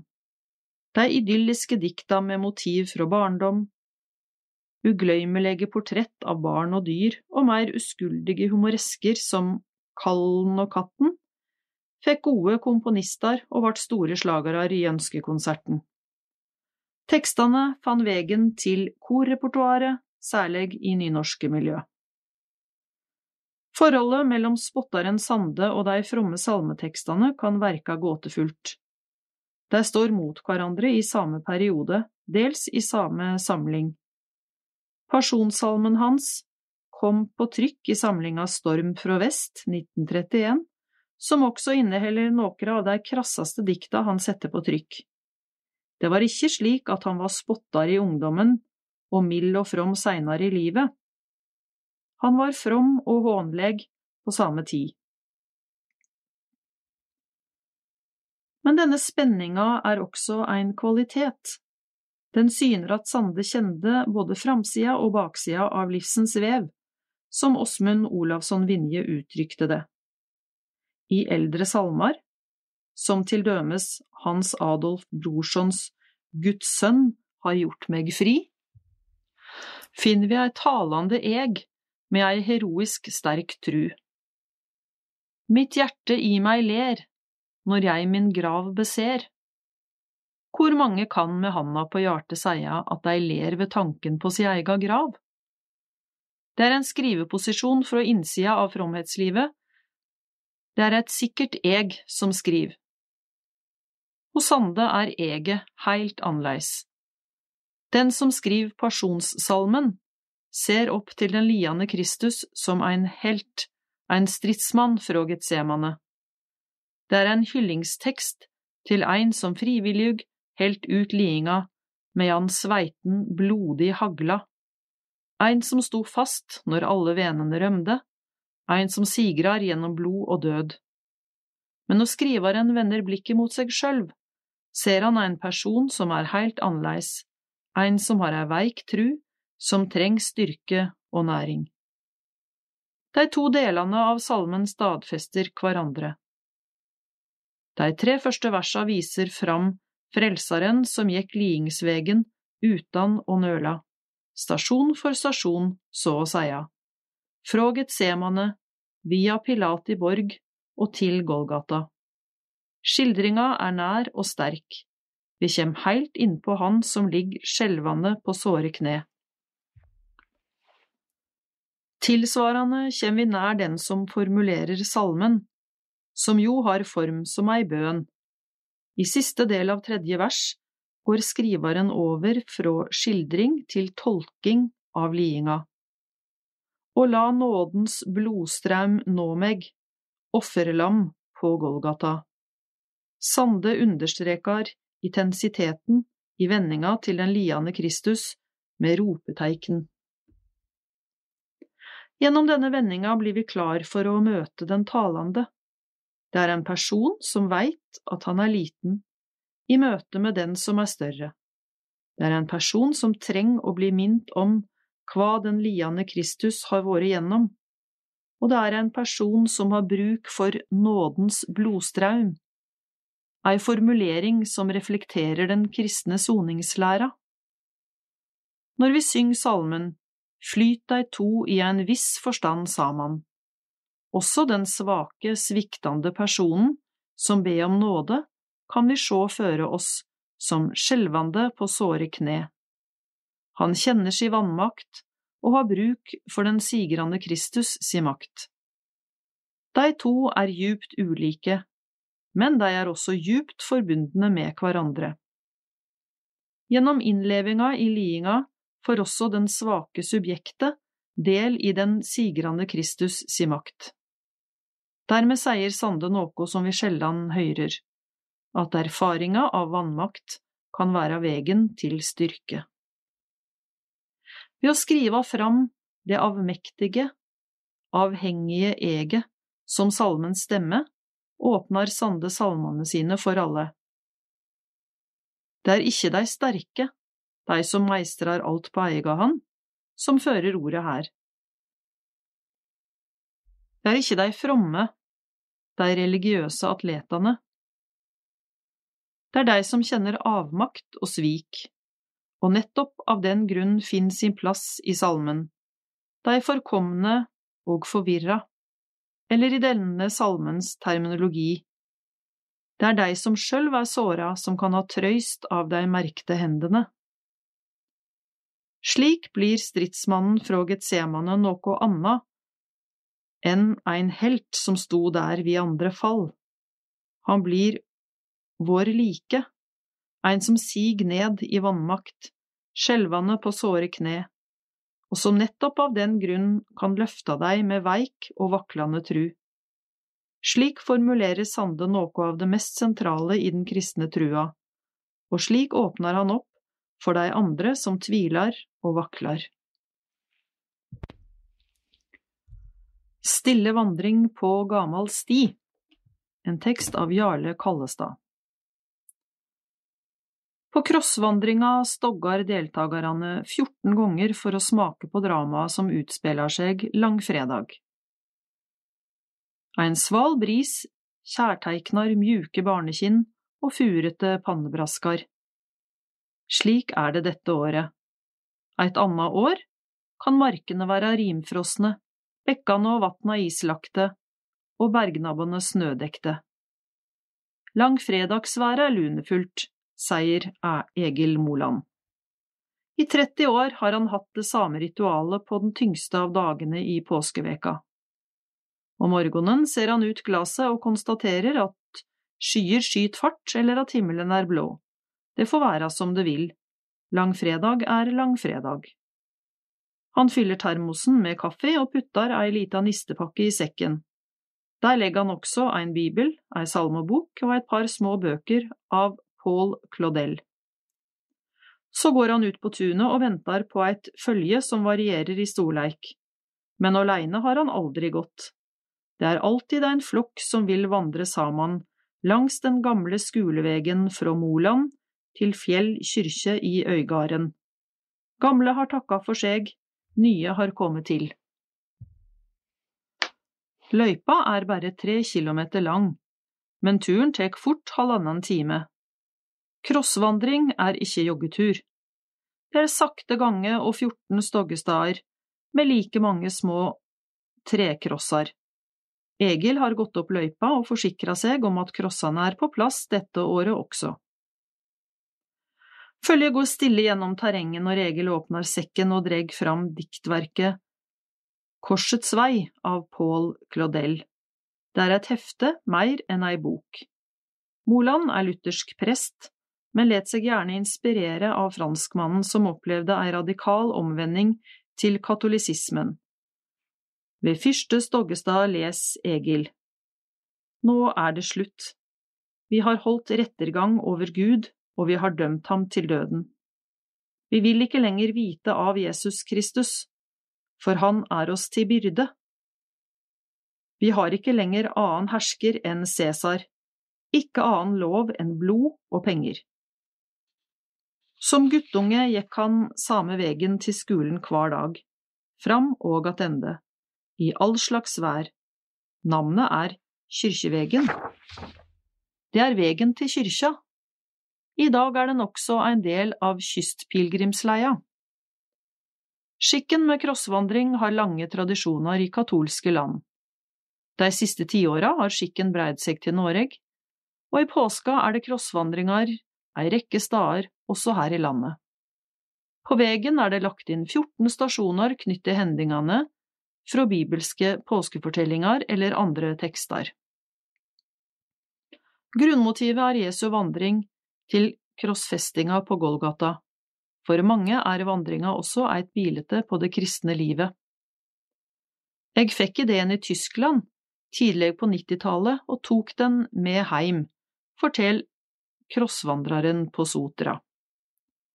Det er utmark heile vegen. Fire vatn skal passerast. Vegen følger elveløp og bekkar i lett kupert terreng. I 2006 herja lyngbrannene i terrenget, og nokre av trekrossene vart svidd og øydelagt. En god symbolikk, tenker Egil. Deltakerne blir bedde om ikke å prate langs ferda og være mest mulig stille. Langfredag er en dag for dvelende ettertanke og hvile for munnen. Men Claudel får ordet. Jeg finner intet ondt hos denne mannen, sier Pilatus, men la gå, slå ham i hjel hvis dere vil. Jeg overgir ham til dere, ekko homo. Der står han, med kronen på hodet og purpurkappen over skuldrene.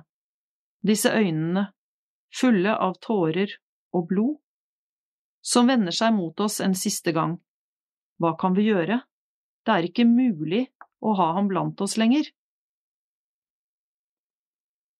Vegen mot kyrkja er et hovedmotiv i Claudels forfatterskap. Hva tjener vel veien til, hvis der ikke er en kirke ved veiens ende, spør en av personene hans. Og brått ligger hun der, Fjell kyrkje. Det hvitmåla gudshuset har stått her siden 1874, men tomta rommer kyrkjesoget attende til middelalderen. Klokka nærmer seg elleve, og kyrkjedøra står åpen. Krossvandrerne er framme, men langfredagen er ennå lang. Krusifikset gjennom tidene En tekst av Gunnar Danbolt Jesus er sann Gud og sant menneske. Gjennom store deler av kirkens historie har Jesus på korset vært et sentralt motiv i kunsten. Hvordan har krusifikset forandret seg? Det at Jesus døde på korset for å sone menneskenes synder, utgjør kjernen i den kristne tro, men også at han på den tredje dag brøt dødens lenker i oppstandelsen. Slik har det vært fra begynnelsen av. Det skulle kanskje tilsi at korset har blitt benyttet som det sentrale kristne symbol like lenge. Men det har ikke vært tilfellet. Selv på 500-tallet hoppet man elegant over korsfestelsen i fremstillingen av Jesu liv. Et eksempel på dette kan ses i basilikaen Sant Apollinare Nuovo i Ravenna i Italia. Når man begynte å fremstille korsfestelsen kunstnerisk i siste halvdel av det første årtusen, gjorde man det vanligvis ved å slå sammen Jesu død og oppstandelse. Resultatet av dette ble det man i dag gjerne kaller triumfkrusifiksene.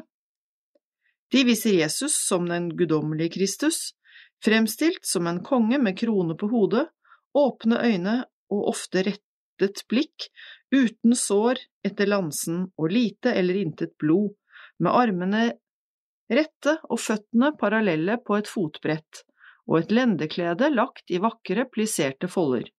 Kort sagt, en frelser som har overvunnet døden, altså en korsfestelse sett i lys av oppstandelsen.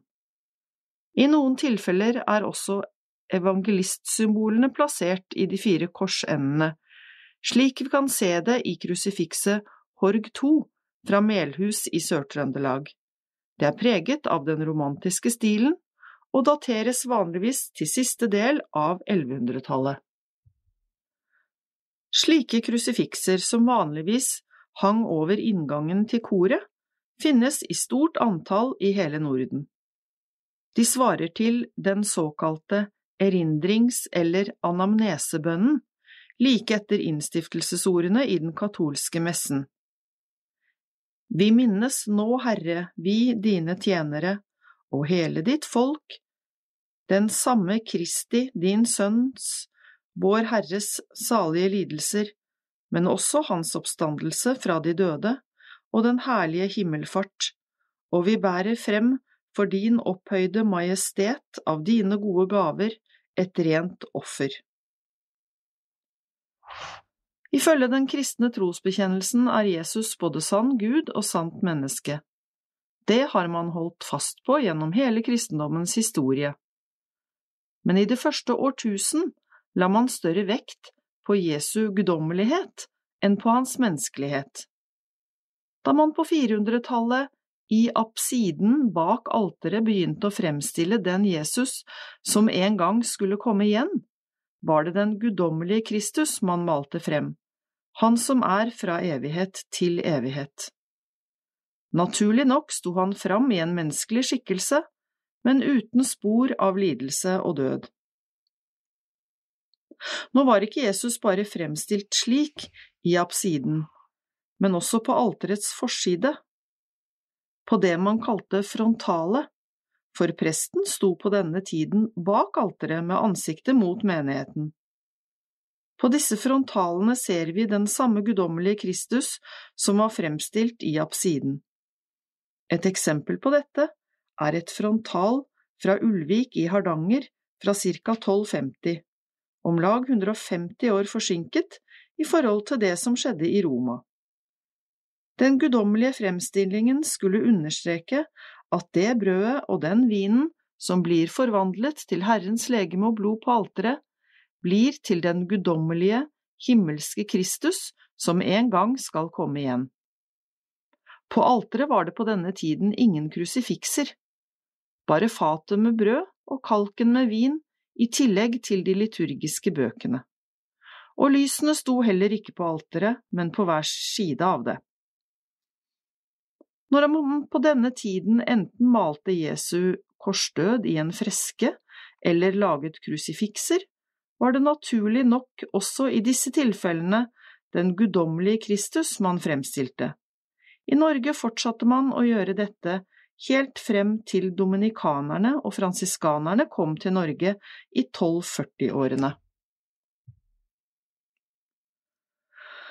På slutten av tusentallet fant en stor teologisk nyorientering sted i Vest-Europa, men ikke i det ortodokse Øst-Europa. Det var tale om et omslag hvor man gikk over fra å legge hovedvekten på den guddommelige Kristus til å understreke den menneskelige Jesus, han som var født i Betlehem og ble korsfestet på Golgata. Det gjorde at man nå også så på nattverdens brød og vin på en ny måte, nemlig som den menneskelige Jesus, som også er Gud. Som en følge av dette ble det i Vest-Europa fra ca. 1100 påbudt at hvert alter måtte ha et krusifiks, et krusifiks som fremstilte den døde Jesus. Det var dette omslaget som gjorde at en mann som Frans av Assisi, 1182–1226, ville leve slik evangeliene sier at Jesus gjorde. Med det skapte han et helt nytt helgenideal, ikke bak klosterets murer, men ute blant menneskene, ikke minst de fattige og syke. Det var altså rundt midten av 1200-tallet at den nye teologiske oppfatningen slo rot i Norge. På frontalene ble nå nye motiver vanlige, for eksempel Maria med barnet og korsfestelsen, slik det hadde skjedd en tid før i Italia. Også krusifiksene ble endret, for nå var det den lidende og døde Jesus som han fremstilte på korset. Disse lidelses- eller pasjonskrusifiksene er nokså enerådende i gotikken over hele Vest-Europa, og det svarer til det man i den katolske messen og i den lutherske gudstjenesten synger like før nattverden, O du Guds lam som bærer verdens synder. Krusifikset fortsatte man med også etter reformasjonen, men da som pasjonskrusifikser. Disse fikk sin faste plass i de nye lutherske altertavlene fra slutten av 1500-tallet og fremover, mellom nattverden nederst og oppstandelsen øverst. Men under pietismen på 1700-tallet gikk man bort fra altertavlen og erstattet den med det tomme korset på alteret. For pietismen var i grunnen bildefiendtlig, og på det punktet var de enige med sine bitreste motstandere, rasjonalistene eller de såkalte potetprestene. Mange norske kirker, som for eksempel Lyngdal kirke fra 1848, har kun et tomt kors på alteret. Dette varte likevel bare i en kort periode. For på 1800-tallet fikk Den norske kirke på ny altertavler, selv om de som oftest manglet krusifikser. Krusifikset har ennå ikke fått tilbake den funksjonen det en gang hadde, og det til tross for at man i det nye økumeniske klimaet ikke lenger har teologiske innvendinger mot det, som under pietismen. Påskeaften Vi leser fra Matteus 27, vers 50 til og med 52. Men Jesus ropte igjen med høy røst og oppga ånden. Da revnet forhenget i tempelet i to, fra øverst til nederst. Jorden skalv, og klippene slo sprekker. Gravene åpnet seg, og kroppene til mange hellige som var sovnet inn, ble reist opp. Det er jeg, en novelle av Miriam Christensen. Da jeg hørte at Lilly Jacobsen, ei jente med både hjerne og et gudsfryktig hjerte, hadde forlatt gudstjenesten midt under pastorens, hennes fars, bønn, og at ingen har sett henne siden, bestemte jeg meg for å reise tilbake. Jeg ankom en lørdag og gikk på gudstjenesten neste dag. Jeg så henne for meg, sittende på den nest fremste raden, på de bløte rosa stolene, med den svarte bibelen på fanget, klar til å slå opp og bla i de løvtynne sidene med gullkant. Jeg forestilte meg hvordan hun reiste seg i takt med resten av menigheten under sangen, og satte seg igjen, og så må det ha hendt noe. En innskytelse? Et anfall? En åpenbaring? Jeg kom til å tenke på da vi var konfirmanter sammen. Det var påske, og det nærmet seg at vi skulle stå som konfirmanter på en egen gudstjeneste til våren, med alle våre familier og slektninger til stede. Det var forventet at konfirmantene deltok på menighetens ulike tilstelninger og møter det året vi var i undervisning, og derfor var jeg, for første gang, med på menighetens påskemåltid, skjærtorsdag kveld.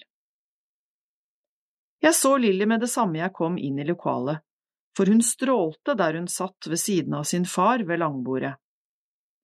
De andre konfirmantene satt nederst ved bordet, og jeg smøg meg ned på stolen ved siden av Elias, som for bare et halvt år siden hadde spurt Lilly om de skulle være kjærester, og hun hadde til hans store overraskelse sagt ja. Og selv om han dirret av overveldende impulser hver gang han så henne, slik jeg nå satt og dirret ved siden av ham, og hadde dirret siden vi flyttet til bygda, hvor jeg så ham for første gang utenfor nabohuset vårt, så hadde han allikevel klart å ta seg sammen og holdt seg fra å skremme henne med sin altoppslukende forelskelse som bare jeg visste omfanget av. Hun har begynt å gå på biblioteket. Pusten hans var varm og altfor nær øret mitt, som kjentes fuktig etter at han hadde hvisket. Jeg motsto trangen til å dra meg unna, jeg ville ikke at hjertet skulle dirre sånn. Jeg snudde meg først mot ham, så kikket jeg bort på Lilly, som satt i en dyp samtale med en av menighetens eldre kvinner. Hun hadde en hvit pologenser i myk ull på seg, og det blonde håret hang bølgende nedover skuldrene. Et lite, men skinnende gullkors hang rundt halsen hennes.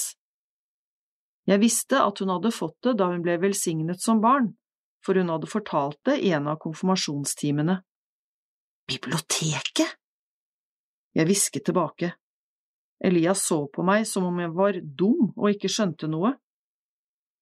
Jeg skjønte heller ikke hva som var problemet med at hun gikk på biblioteket, særlig siden jeg ikke visste hva hun gjorde der, eller hva folk generelt gjorde der, utenom å låne bøker, slik jeg selv gjorde, alle slags type bøker.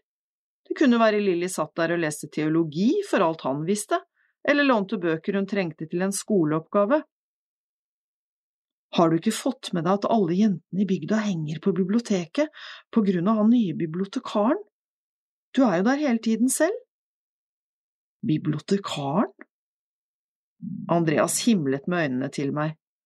Det betød noe som både han og jeg visste, at jeg ikke var ei av jentene, at jeg var ei som ikke fikk med meg ting. At jeg levde i mitt eget hode, og at hvis jeg skulle ha fått med meg at bibliotekaren var en kjekk fyr, så måtte det ha stått en tegneserieboble over hodet hans med teksten Kjekk fyr. Jeg tenkte på det, så for meg den nye bibliotekaren. Jo, han hadde svarte klær og halvlangt, rufsete hår. Jeg hadde lagt merke til de fine underarmene hans når han tok i bunkene med bøker jeg leverte, og smilet hans, jo, det var noe med ham, men han var voksen, minst ti år eldre enn meg. Tanken på at jeg kunne se ham på en annen måte gjorde meg svimmel. Elias skulle til å svare meg, men da reiste pastoren seg og begynte å snakke. Vi drakk den sterke druejusen og spiste loff skåret i terninger, til minne om Jesu blod og legeme. Jeg klarte ikke å la være å se på Lilly. Hvordan hun førte det lille glasset til leppene og sakte helte i seg druejusen med lukkede øyne, hvordan hun brøyde hodet og foldet hendene. Til minne om Jesu legeme, sa pastoren, og hans datter åpnet munnen igjen og førte loffbiten inn med noe som jeg bare kunne tenke på som hellig undring og tilbedelse. Selv var jeg et annet sted under nattverden. Helt siden vi hadde begynt å gå til nattverd, vi konfirmantene, hadde jeg kjent meg opprømt. Vi ble regnet med, var voksne, vi fikk være med på de hellige handlingene, men hver gang vi skulle drikke druejusen og spise den lille tørre oblaten som menigheten vanligvis brukte til nattverd, så klarte jeg ikke å skru tankene over der Lilly nå antagelig var, i minne om Jesu blod og legeme. Når jeg helte i meg druejusen, raste de tusen tingene jeg hadde lest om nattverd rundt i hodet mitt, hva katolikkene tenkte om nattverden, hvordan de trodde at jusen, eller vinen, faktisk ble til blod når de drakk den. Og var det ikke sånn at til og med lutheranere trodde det, og jeg tenkte at de kan ikke virkelig, virkelig tro det, for det er jo ikke fysisk mulig. Og selv om alt er mulig for Gud, og for den som tror, hvorfor skulle Gud holde på med å gjøre den jusen om til blod i min kropp?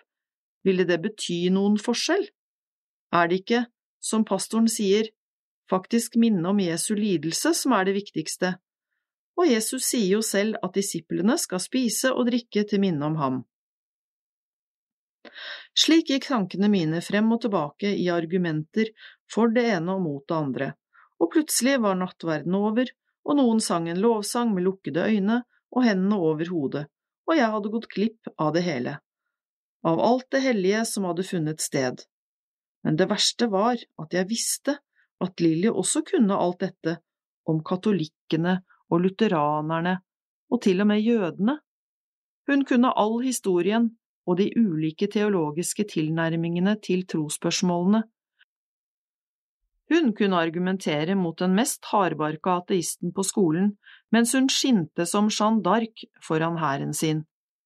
Allikevel lot hun aldri den briljante retorikken og all kunnskapen hun besatt, hindre henne fra å være til stede i øyeblikket, stå med øynene lukket under bønnen eller si noen ord på ungdomskvelden. Den langfredagen klarte jeg ikke å slutte å tenke på Lilly på det Elias hadde sagt, bekymringen hans som lå i at Lilly gikk på biblioteket. Hun var jo ikke ei sånn jente. Hadde han ikke skjønt det? Hadde han ikke skjønt hvor hjertet og hjernen hennes var? At hun først og fremst var en Jesu disippel? Ikke ei teit jente som flørtet hodeløst med den nye bibliotekaren. Lilly var ei som tok ansvar for sitt eget trosliv. Hun gikk hjem da vi andre jentene gikk på videoen og leide Pretty Woman. Hun hørte ikke på musikk som ikke hadde et kristent innhold. Ryktene hadde til og med nådd meg om at hun hadde droppet tidenes viktigste håndballkamp for å gå i bibelgruppe. Jeg stakk over til Elias. I morgen er biblioteket åpent i noen timer. Min mor skal sikkert til sentrum og kjøpe inn godteri til eggene, jeg går på biblioteket og sjekker det ut, sa jeg. Han så på meg med smale øyne. Mest sannsynlig er hun ikke der, sa jeg og smilte noe jeg visste var et ertende smil. Elias fikk et uttrykk i ansiktet som fikk ham til å ligne en av de små hundevalpene lillesøstera mi hadde plakater av på rommet sitt. Jeg ble svak i et øyeblikk, hadde lyst til å rekke ut hånda og stryke ham over kinnet, men jeg gjorde det ikke. Hun er vel ikke hos deg nå? sa jeg plutselig engstelig for at hun skulle være der og ha hørt meg. Han ristet på hodet. Hun er i kirka og ber i dag. Men det er jo ikke gudstjeneste i dag, sa jeg. Hun er der alene. Han virket misfornøyd med det hele. Jeg skjønner, sa jeg. Han trakk på skuldrene og ville lukke døra igjen, ville ikke ha meg der iallfall. Kanskje du skulle be litt du også, sa jeg og lo. Han smalt døra igjen foran meg. Påskeaften sto jeg tidlig opp og var klar da jeg så at min mor var på vei ut i bilen. Kan jeg være med? spurte jeg. Da blir det jo ingen hemmeligheter i eggene. Jeg skal bare innom biblioteket. De har bare åpent i noen få timer, og jeg må bytte ut disse, sa jeg og viste henne bokstabelen min. Hun himlet med øynene og viftet meg liksom med. Jeg satte meg i bilen og tenkte over hvor liten sjansen var for at Lilly, eller noen andre for den saks skyld, var på biblioteket i dag, på selveste påskeaften. De fleste var på ferie. Bare de troende, sånne som min familie, var hjemme for å følge høytidsdagene i de ulike menighetene. Og så lurte jeg på hvorfor jeg ville gå dit for å sjekke Lilly ut. Det var jo ikke min sak.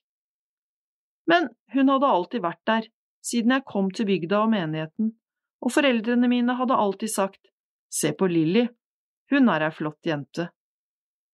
Og hun hadde briljert på alle måter, vist godhet, ektefølt tro. Hun hadde holdt vitnesbyrd på søndagsskolen til min mor fikk tårer i øynene. Hun hadde vært søndagsskolelærer i ti år og aldri opplevd noe lignende, sa hun. Jeg visste at foreldrene mine ikke så det samme i meg. Jeg visste at de var glad i meg og likte meg og syntes jeg var fantastisk på min egen måte, men Lilly var noe helt eget ved henne, noe elevert, som om hun var koblet på noe større. I tillegg var hun vakker, og så enda vakrere ut når ansiktet hennes liksom skinte av Guds eget nærvær.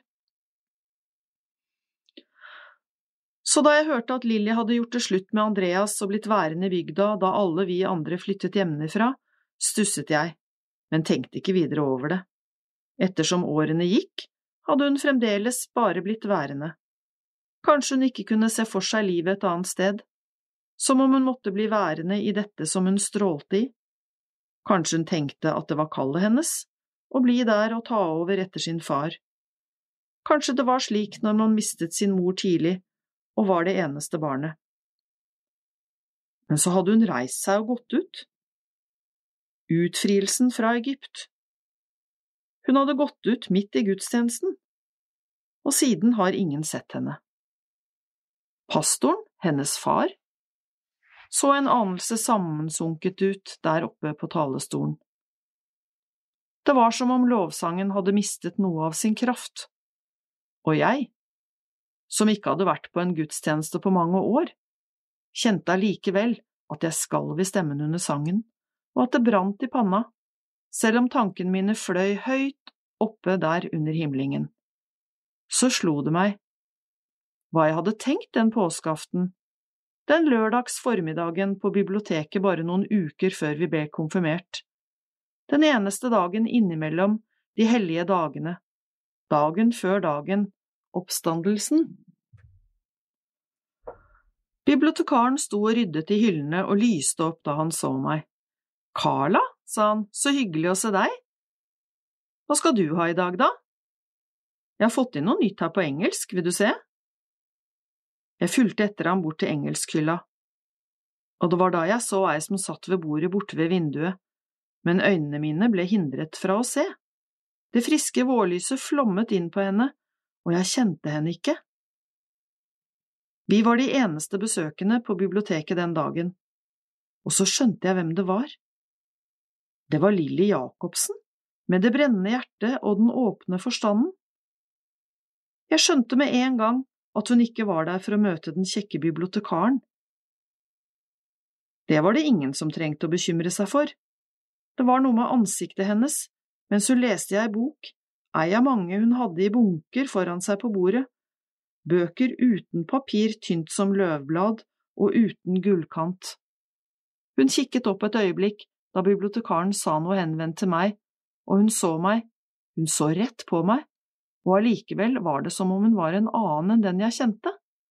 Så slo hun blikket ned igjen i boka som lå oppslått foran henne, og jeg tenkte på disiplene, som ikke hadde kjent igjen Jesus på veien til Emmaus, at han på en måte hadde vært skjult for dem, og jeg tenkte at det kanskje var fordi han hadde vært sitt sanne jeg, og jeg skjønte at det var det jeg hadde fått et glimt av i Lillys ansikt, et øyeblikk av sannhet, av et dypere og annet vesen som bare fantes der, i møte med de bøkene. Det var som om det blikket, som både så og ikke så på samme tid, hadde sagt noe til meg som lignet det Herren selv hadde sagt, det er jeg.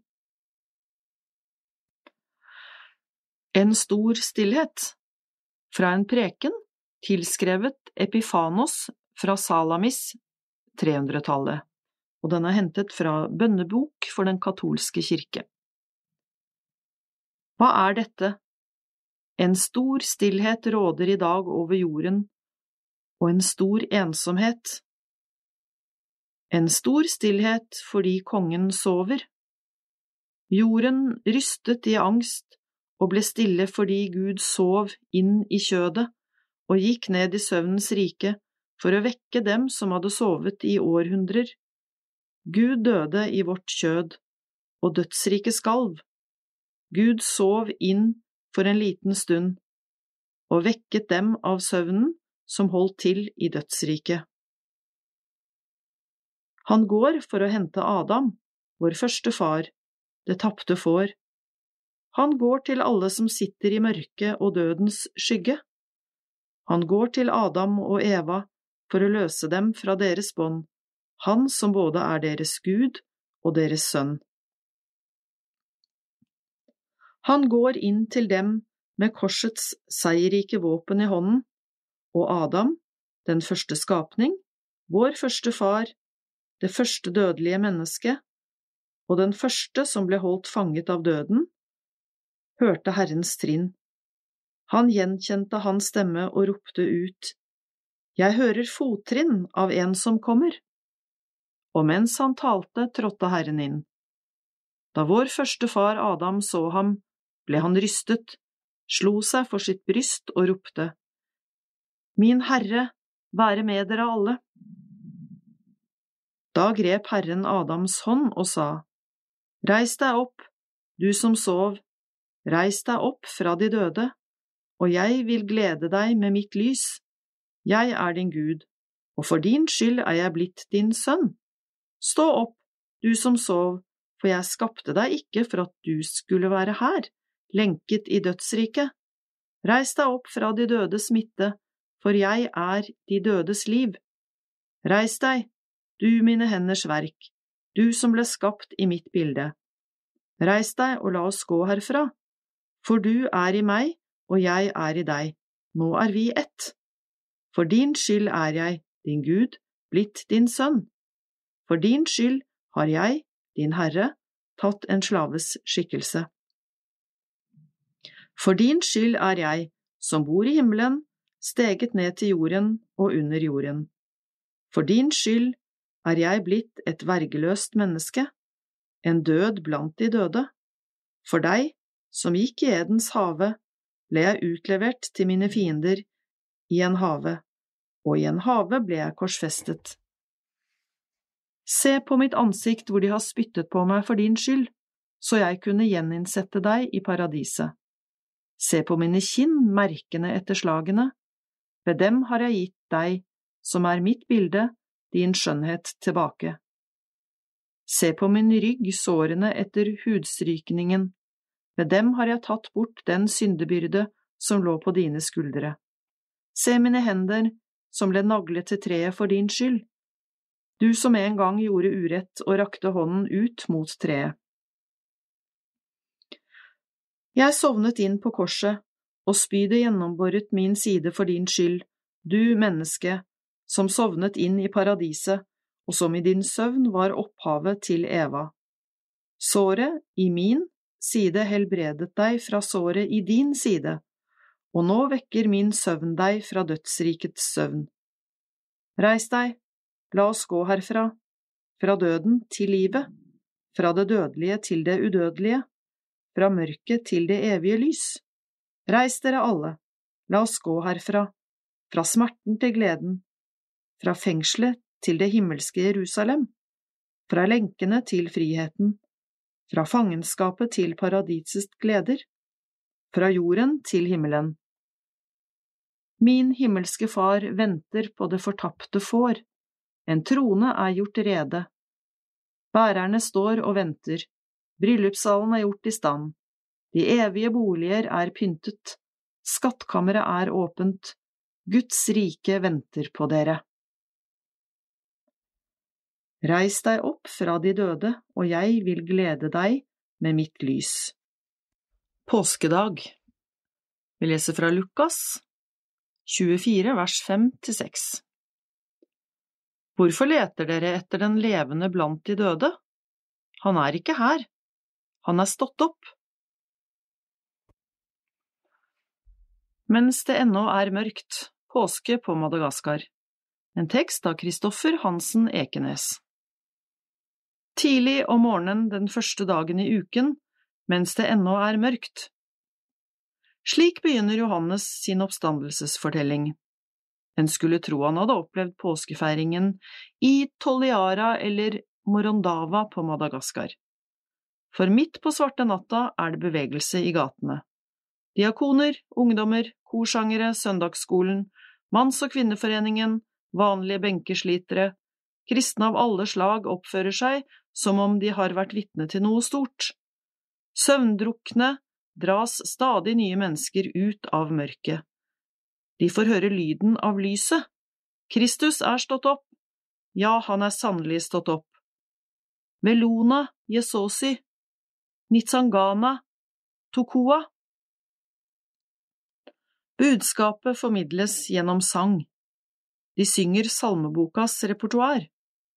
Mange av salmene er oversatte versjoner av salmer fra moderkirkene i Skandinavia. Krist sto opp av døde. Livet vant, dets navn er Jesus. Men mest kjent er Grundtvigs Herren, han har besøkt sitt folk. Den synges i Danmark, men er ikke brukt i Norge. Efa Namangi, Ny oloni, synger de. I løpet av seks korte vers utfoldes oppstandelsens konsekvenser. Borte er den mørke natta. Jesus er livets herre, som har krysset den store elven inn over til dødens område. Men som nå er stått opp får aldri å dø igjen. Det smaker av seier og styrke.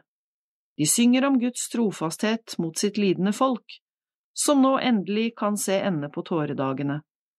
Gleden får fotfeste i den tomme graven og bringes ut til alle som har ører å høre med. Lyden av lyset fyller byen og gatene, og hjertene. Men sola etter hvert står opp og byen våkner, fylles kirkene også. Folk i sine fineste klær trenger seg sammen. Det er forbudt å holde plass til andre. En får vær så god være på plass i tide. Varmen slår fra veggene og blander seg med høytid og forventning. og mens folk venter på at festgudstjenesten skal begynne, synger de flere påskesalmer. Tonene ruller gjennom rommet, flerstemt, naturligvis, slik gasserne har for vane. Er det ikke en forsmak på sangen i himmelkoret vi hører? Så er det klart for høytidsgudstjeneste. Sang, bønn, tekstlesning, preken, offer, nattverd og dåp, ikke ulikt vår hjemlige påskefeiring. Samtidig gir det å sitte midt i denne forsamlingen en følelse av annerledeshet. Vel har vi glede i kirkene hjemme også. Så visst synger vi, og Jesus har stått opp like mye for nordmenn som for gassere, men gleden sitter kanskje litt løsere her, hvor nøden og døden er litt tettere på. Eg kaster mi glede som fuglar mot himmelen. En tekst av Bjørn Sortland. Tenker du ofte på mannen din? Han er inne i hovedet hele tida. Ragnvald var svært dominerende. Tok meg tid å forstå hvor lite fin han var med meg. Han hadde heller ikke humor, som nesten er verre. Jeg har ikke noe sterkt ønske om å treffe han igjen. Kan jeg få ei flaske rødvin? Nå når du spør om slike ting, eller et glass i det minste? eh sorry, som du vet, alkohol krasjer med medisinene du bruker. Men du treffer vel neppe Ragnvald igjen? Selv om det har vært forskjellige opplevelser i livet, kan vi ta vare på de gode minnene. Forskjellige opplevelser i livet, ja. Jeg er dessverre en gammel surmaga skeptisk biolog. Minnene er ofte upålitelige, opake, uklare, villet. I beste fall gir deg kanskje litt trøyst, i verste fall får deg oss til å grine. Jeg håper mer på en konkret, opplysende oppstandelse, og at Gud Fader har et eget rom i himmelen hvor jeg slipper å treffe Ragnvald. Så du er biolog og tror på Gud, oppstandelse og egne rom i himmelen? Ja, jeg veit det er mye å be om, men jeg håper og tror, fordi om vi virkelig høyrer det vi høyrer, eller ser det vi ser, så kan oppstandelsen være rett rundt hjørnet. Ja vel? I og med at du jobber her, har du gått på kurs der du skal snakke med deg døyende etc. Det hjelper ikke meg, kanskje ikke deg heller. Din død er ikke min død, vi døyer aleine, sjøl om du svinser rundt og hjelper oss dødsdømte. Mange av oss er allereie levende døde etter et langt liv. Det er inga visse om oppstandelse for zombier. Zombier har verken hjerne eller hjerte, fortapte uten en idé om et håp om et nytt liv. Eh, dystert, må jeg vel si. Jeg skal ikke svinse mer. Både du og jeg veit at denne senga er den siste senga jeg skal ligge i, og angsten tek muligens deg også en dag. For spørsmåla slit i alle på nattestid. Hva gjorde jeg? Hva var livet? Vi bærer på skuld. Likevel øydelegger vi verda, livet, oss sjøl. Vi ser ikke at vi vassa rundt i fantastiske, underfulle, usannsynlige under vi ikke ser eller forstår, og vi tror ikke på oppstandelsen, sjøl om naturen skrik, steinene roper i gråt etter en himmelropende, akutt, dramatisk oppstandelse. En himmelropende, akutt, dramatisk oppstandelse? Ja, Lea, naturen forteller oss at alt kan skje. Den meksikanske aksoloten kan regenerere seg sjølv opptil fem ganger, også hjernen sin. Den nakne muldvarprotta kan leve i en nesten oksygenfri atmosfære, og Apus melba husker ikke lenger det norske navnet. Det er ei svale som kan flyge i hele seks måneder uten å lande. Grønlandshaien kan leve i over 400 år. Den mikroskopiske vassbjørnen trenger ikke eta på ti år. Den kan kokes i alkohol og overleve. Den overlever ganske lenge i det ytre rom, står sterkt under et vanntrykk som ikke er mulig, tåler temperaturer over 200 grader i begge retninger. De tåler dessuten ekstrem stråling og kan reparere sitt eget DNA. De kan skape nye økosystem, ja, de overlever sannsynligvis alt. Og de har sex i godt over en time. Ehm, det er eh, imponerende. Men gråten kjem til de fleste. Mennesket er ikke det eneste dyret som gret. Elefantbarn sug på snabelen sin for å trøysta seg, ja, det er elefanter som gret mest, enda hvor store og sterke de er. Sauer kan kjenne igjen ansiktet til andre sauer, de kan til og med kjenne sorg om en i flokken forsvinner. Hunder gret når de forstår de er sperra inne. Bjørner gret når de veit at de skal dø. Elgar gret når de skjøner at de er fanga av en jeger. Aper generelt er ofte bekymra. Det er mye gråt i en apeflokk. Ja, sjøl vesen som lever i vatn har tårekanaler. Både delfiner og seler gret. Alt levende kjenner smerte, uro, dødsangst. Sjøl planter lir når de blir dratt opp av jorda. Jeg blir litt forvirret, Marit. Er det et lys hos deg? Vi lever i et stort mysterium, veit ikke hva lys egentlig er, heller ikke mørk materie. Fotosyntesen er også et under. Ingen kan se på sola i seks sekunder. Det sterke, altomfattende atombombelyset som sprenger alt som sprengjast skal. Lasarus kjem lys levende ut av grava. Englene var som skarpe lynlys i den tomme grava til Kristus. Imperativet heilt fra begynnelsen, den ultimate fusjonen, bli lys. Lyset avslører, håner, redder oss. Og Ragnvald, er det håp? Det er mange rom i himmelen, og Gud er alltid større, men ofte taus. Vi høyrer ikke etter uansett, tenker han kanskje, men nå skal eg holde kjeft. Eg håper på nåden og oppstandelsen.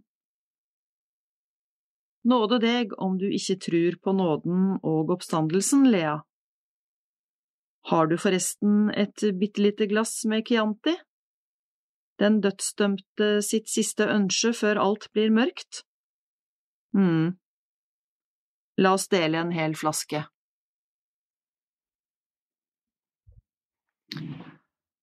Til denne fortellingen så er det illustrasjoner av Oskar Jansen som jeg skal prøve å synstolke nå. På det første bildet så ser vi en eldre dame som ligger antageligvis i en sykehusseng, i hvert fall i en seng, og snakker med en yngre dame som har langt, mørkt hår, i en hestehale på ryggen. De sitter og holder hverandre i hånda, og det er et bilde av eh, noen fugler på veggen og et vindu, og det er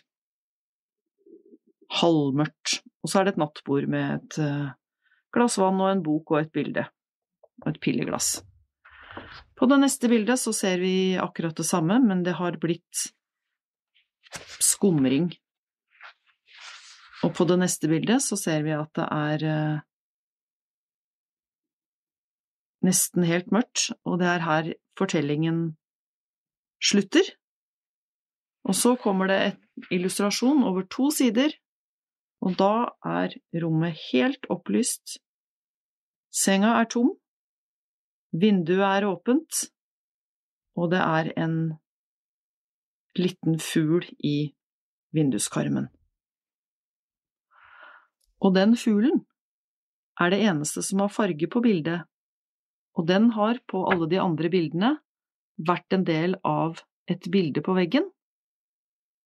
Men nå er denne fuglen ute av bildet på veggen og sitter i vinduskarmen. Jesu oppstandelse og opprøret i Soveto, en tekst av Antoinette Citoll. Solen står opp i Soveto. Stillhet og fred fyller gatene. Dørene til de fleste butikkene er stengt. Men det går ikke lenge før byen våkner til liv. Gatene fylles, et stille tog går gjennom byen. Folk er festkledde, og det er høytidsstemning. De vil samles med andre troende for å feire ham som sto opp. Det er første påskedag, og det er fest i Soveto. Jeg befinner meg midt i strømmen av kvinner og menn som sakte beveger seg mot kirken. Jeg ser rundt meg og gjør meg mine tanker om påsken, om fellesskapet, men også om min egen historie, om min egen sorg og min vei gjennom livet for å finne meg selv. For de fleste svarte her i Soveto er troen på Jesus viktig. Troen på at han døde og sto opp for oss, gir oss håp. Ja, at Jesus sto opp for alle mennesker, og at han sto opp for at sannheten skulle vinne over løgnen. Tidlig om morgenen den 16. oktober 1976 var det også stille i Soveto, men etter hvert ble det mer liv. Barn og ungdom som ropte og skrek. Jeg var en av disse ungdommene. Uten at foreldrene mine visste det, vandret jeg og andre svarte sørafrikanere gjennom gatene. Vi protesterte mot at myndighetene hadde bestemt at vi skulle lære afrikansk på skolen. For oss var det en meningsløs avgjørelse.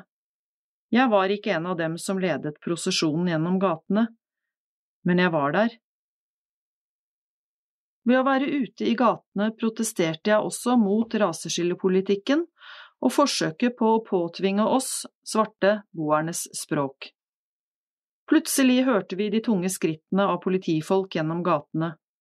Gatene ble fylt av væpnede politifolk. Jeg så det og ble redd. Mest redd var jeg kanskje fordi jeg ikke hadde fortalt mamma og pappa at jeg hadde skulket skolen. Men jeg var også redd for de store politifolkene som med skuddklare våpen jaget oss gjennom byen. Med ett hørte jeg skudd. Først ett, så flere. Hva var i ferd med å skje? Var det faktisk noen som skjøt fordi vi barn og unge ikke ville lære afrikansk på skolen? Lyden av skuddsalvene ringer fortsatt i ørene mine. Plutselig ser jeg en voksen mann komme løpende. I armene bærer han en liten gutt. Jeg ser nærmere og får sjokk. Den lille gutten er broren min, Hektor, 13 år gammel. Blodet renner fra et skuddsår. Jeg løper sammen med den ukjente mannen.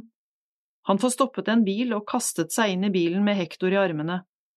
Kom til sykehuset, roper han til meg idet han lukker bildøren. Opprørt og gråtende løper jeg gjennom Soveto og til sykehuset. Gjennom et vindu ser jeg legene som prøver å hjelpe broren min, men snart gir de opp. Jeg ser Hektor ligge der, livløs. Han visste ikke hva han var med på da han sluttet seg til flokken av barn og ungdom. Den uvitende og gode broren min ble det første offeret for opprøret mot det hvite apartheidregimet.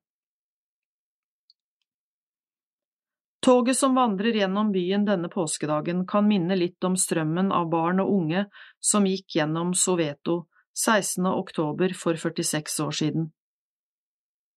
Men nå er ingen redde for våpen eller skudd. Vi er på vei for å feire.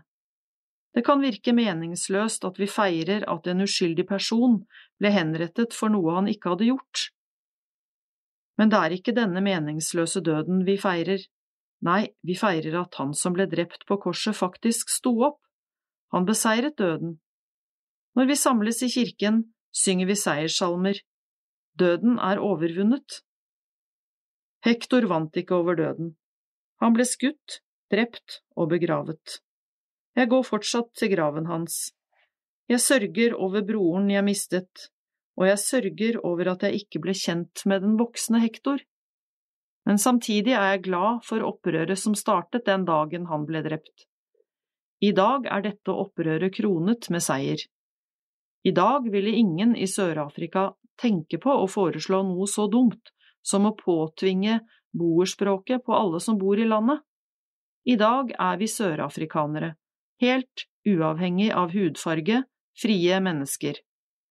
Selv om sorgen etter Hektors død nesten tok livet av min mor, og fortsatt påvirker oss som familie, kan vi i ettertid si at han ikke døde forgjeves.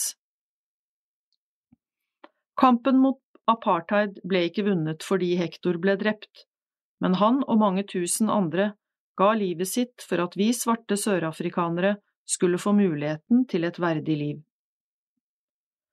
Drapet på Jesus på Golgata for nesten 2000 år siden virket helt meningsløst.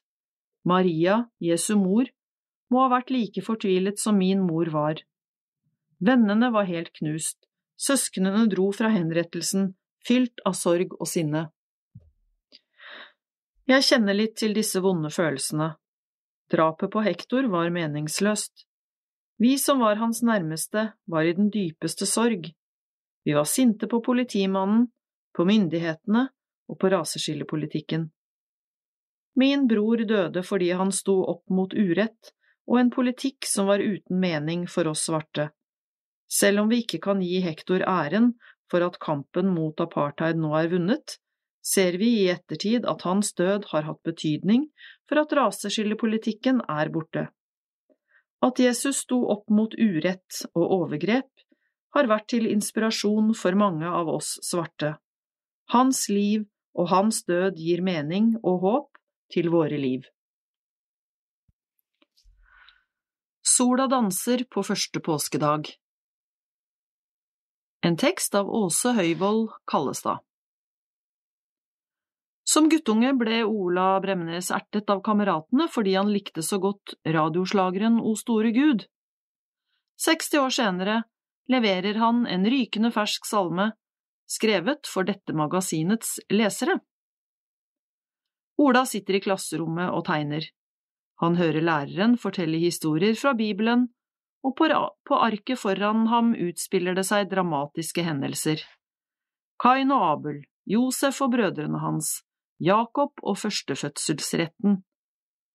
Det gikk rett i følelseslivet, og gjennom tegning fikk vi bearbeidet sterke inntrykk, forteller han, som i tillegg til Ola heter Bremnes og har skrevet påskesalmen Nå står du opp, til dette magasinet. Faren hans fortalte at sola danser på første påskedag. Det har han aldri glemt. Ola Bremnes er takknemlig for alle fortellingene, de rene bibelhistoriene som blant andre hans far formidlet. Faren var både lærer på skolen og forteller hjemme ved kjøkkenbordet, og middagene kunne bli lange når bibelhistorier, beretninger fra krigen og andre historiske hendelser ble gjort levende av far Bremnes. Han var en fantastisk historieforteller, og jeg ble kjent med grunnfortellingene i kulturen vår. Slik kan jeg for eksempel forstå bibelske referanser hos Bob Dylan eller David Bowie, sier Bremnes og legger til at han og søsknene måtte sjekke om det var sant at sola danset på første påskedag. De fant ut at det stemte. Da Ola Bremnes ble utfordret til å skrive en påskesalme, ble han glad. Han opplevde det som en ære. I fjor skrev han en tekst om pinse, som han publiserte på Facebook, og denne teksten var bakgrunnen for utfordringen han fikk. Den beskriver sannhetens øyeblikk på pinsedag, når ord gir mening og fører til ny og endret kurs. Bremnes er overrasket over den enorme responsen på pinseteksten. Samtidig tenker han at den formidler noe underfullt som mennesker har lengtet etter til alle tider, opplevelsen av en felles forståelse, et øyeblikk av absolutt sannhet og mening. Bremnes erfarer det underfulle i påskefortellingen også. Den er en lovprisning av livet, lyset og våren. Den handler om lidelse, men også om en begynnelse. Noe blir nytt. Han reflekterer over budskapet om kjærlighet og tilgivelse som ligger i påskeevangeliet, og viser til det siste underet Jesus gjorde før han døde, da han helbredet soldatens øre. Han helbredet da han selv var ute å kjøre. Det er den største påskekrim av alle. Slik Bremnes ser det underfulle i beretningene om både pinse og påske, opplever han selve tilværelsen som et under. Livet er magisk, fortrylla, også i de blå tonene. Der det er mørkere. Det er en del av det magiske. Jeg har så lyst til at det skal skinne gjennom. Sangeren og tekstforfatteren tenker på sitt eget artistliv som en slags prekenvirksomhet om livets ulike faser, om lyset, kjærligheten og for den del hatet, med elementer av salmer. Men først nå som salmedikter. For Bremnes er salmene noe nært og kjent som han vokste opp med. Farmoren og farfaren kledde seg fint om søndagen når de skulle høre på radiogudstjenesten, og på ønskekonserten lyttet han med begeistring til O store Gud. Da bryter lovsang ifra sjelen ut. Kan du tenke deg noe så fint?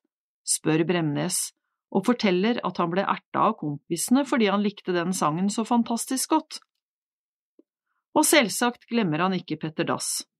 Øverst på en nasjonal Spotify-liste, og uttrykk for selve livsnerven i en nordnorsk kystkultur, som også Ola Bremnes har vokst opp i og er en del av. Referansene til naturen og det levde livet, som Bremnes benytter i sin påskesalme, står i en sterk og stødig salmetradisjon som aldri har veket unna for verken dødskrefter eller oppstandelsens under. Det gjør heller ikke vår salmedikter. Til salmen Nå står du opp kom teksten først og melodien en god stund senere. Bremnes forteller at tekst og melodi ofte kommer samtidig, men ikke i dette tilfellet. Teksten tar utgangspunkt i Jesu lidelsesnatt, der han ba om nåde uten å få svar. Melodien følger strofen ganske monotont i starten. Men skiftende akkorder sørger for varierte stemninger, og særlig endrer både tekst og melodi karakter når den siste verselinjen blir gjentatt i slutten av hver strofe. Nå står du opp. Det kan synes som at salmeteksten utelukkende henvender seg til Jesus i denne setningen, siden den første strofen handler om døden på korset, graven, avskjeden med de nærmeste og munner ut i oppstandelsen. Ja, til Jesus, eller til deg og meg, sier forfatteren, som tenker at salmens tittel og avsluttende verselinjer oppfordrer til identifikasjon. Jesus sto opp, og vi får alle en ny sjanse. Oppstandelsens mirakel gir alle mulighet til å reise seg, også skurkene. Slik reflekterer Bremnes over teksten, men han er samtidig nølende til å forklare og tolke sin egen salme. Det overlater han til leseren og sangeren, men han går med på å kommentere den konkrete og til dels overraskende bildebruken teksten bærer preg av. Et sprukket språk, et fugleskremsel, et seljetre med grågul knopp, en verden som har skiftet ham og solas himmeldans. Når Jesus ber om nåde den siste natten, står det i salmen at han gjør det med siste rest av et sprukket språk. Hva menes med det? Han var mishandlet på det groveste. Han ropte, Min Gud, min Gud, hvorfor har du forlatt meg? Torturerte mennesker for et knust og ødelagt språk.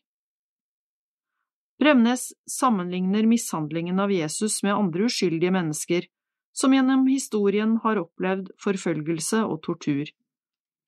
Historiene deres blir ikke hørt, de har ikke lenger et meningsbærende språk. I salmens første strofe har Jesus bare de siste restene av dette sprukne språket igjen. Han ber om nåde før han ånder ut, og ingen svarer. Så blir han hengende i mørket, og overraskende nok sammenligner Bremnes skikkelsen hans på korset med et fugleskremsel. Det er et sterkt bilde som virkelig viser hvordan han hang til spott og spe. Jeg ville smelle til med et bilde som vekker folk. Vi kan se det for oss, og det er på ingen måte noe feelgood. Men etter denne sterke og nærmest krenkende fremstillingen av Jesus kommer oppstandelsen som en grågul seljeknopp. Vi så alltid etter seljetrær og knopper i påska sammen med mamma. På påskeaften tok vi inn gåsunger og satte dem i et norgesglass, forteller Bremnes og kommer tilbake til vårmotivet som vitner om nytt liv og ny start. Han slutter seg til Odd Nordstoga, som mener at oppstandelsen skjer hver dag, og Ole Paus, som sier at kristendommen ikke representerer noen avskjed, bare et velkommen. Slik viser salmens tredje strofe hvordan oppstandelsen gjelder de som har gått seg vill, de som er uskyldig rammet, og også de fortapte som ber om å få komme inn i varmen igjen. Den grågule seljeknoppen vitner om ny mulighet for alle, gjennom oppstandelsen. Ola Bremnes har fortalt om sin begeistring for bibelhistoriene, særlig fra Gamle testamentet. Men påskesalmen forteller at en gammel verden har skiftet ham, og Bremnes viser til oppstandelsen og budskapet om tilgivelse i Det nye testamentet. Det er et fundamentalt omskifte, det er noe helt nytt, det er slutt på øye for øye, tann for tann. Han er opptatt av hvordan Jesus henvender seg til, og brenner for, de som ikke har det så bra. Jesus hadde en sosial profil, brydde seg om folk som sliter, tollere, syndere, skjøgene, de spedalske. De var ikke ansett for å ha særlig høy status. Han valgte å sitte med dem. Bremnes forteller om den siste turen til Bergen med sin da 85 år gamle far. Byen var full av tiggere, og faren ga penger til alle. Jeg ymtet frampå om at han kanskje hadde gitt nok, og antydet at det kunne være bakmenn som styrte pengene. Men det førte til at han tok ut 2000 kroner ekstra. Han mente at det jeg sa var bare tull, dette kunne jeg ikke vite. Ola Bremnes tegner fremdeles, hver dag. Han tegner det som skjer, og det han tenker på, og han skriver, dagbok, sangtekster, noter. Den kreative muskelen må holdes ved like, og noen ganger opplever han at det intuitive får trenge seg frem. Da er det som en mysterietilstand, for Bremnes tror på mysteriene, og han skriver til slutt i salmen sin at solas himmeldans kan åpenbares for den som ser i morgengryet. Kanskje vi også kan se at det stemmer, at sola danser på første påskedag? Og nå kommer den, salmen Nå står du opp, av Ola Bremnes. Og nå har natta vart lenge nok, kan du forstå det? Med siste rest av et sprukket språk ba du om nåde, men ingen svarte, du åndet ut og gikk i jorda. De tok farvel med din knuste kropp, nå står du opp. Du hang i mørket til spott og spe, et fugleskremsel. Du var på vei til et annet sted, til evig glemsel. Kun dine kjære sto last og brast, og kunne gråte. De hadde tapt både tro og håp. Nå står du opp. Nå står du opp for de som har gått seg vill i verden, for de uskyldige som altfor brått fikk storm på ferden, for de fortapte og de som ber om en smule varme. Et seljetre skyter grågul knopp, nå står du opp. En gammel verden har skiftet ham. Det er det nye som åpenbares, for den som ser i morgengryet at sola danser en himmeldans. For et mirakel og et tilbakelagt hjertestopp. Nå står du opp. Aske Tekst av Pål Helge Haugen Installasjon Barbro Raen Thomassen. Det er en installasjon, syv elementer, vegg og gulv kledd i aske. Og det er en eh, sinkbøtte med en svamp på en stang, en stige og et tøystykke som henger på stigen. Og det ligger en terning som er kasta på gulvet, og det er noen spiker. Framfor mudderspegelen er vi skuggar, flyktningar for oss sjølve. Vi står og ventar, i tilfelle vi er kalla. Tida flagnar av, fell i grå flak, minne som vaknar, byrjar å minnast. Det finst ein vegg med menneske, oppstilte framfor. Det finst ein vegg og spor i veggen. Her ved mudderspegelen ber vi om å bli løyste fra en dyrelodden svevn som finn da i mørkeret bak augnelokka. Vi står og ventar på å bli utfridde. Av Aske 1 Tekst Pål Helge Haugen og installasjon Barbro Raen Thomassen. Det er fortsatt samme installasjon med bøtte, en svamp på en lang stang, en stige med en, et tøystykke på, terning og nagler, men nå har det kommet leirjord, gressfrø og vann med i bildet. Reiskapene står ennå ubrukte, venter på det mennesket har tenkt å bruke deg til. Det luktar uleska kalk fråvær. Jordslåtte klutar brakkvatn.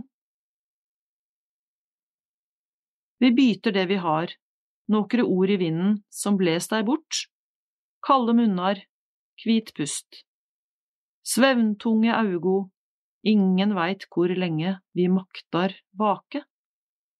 Pausene mellom orda våre motseier oss ei jamn, flat mark avbråten av ørsmå avgrunnar djupe nok. Gong etter gong. Tre gonger.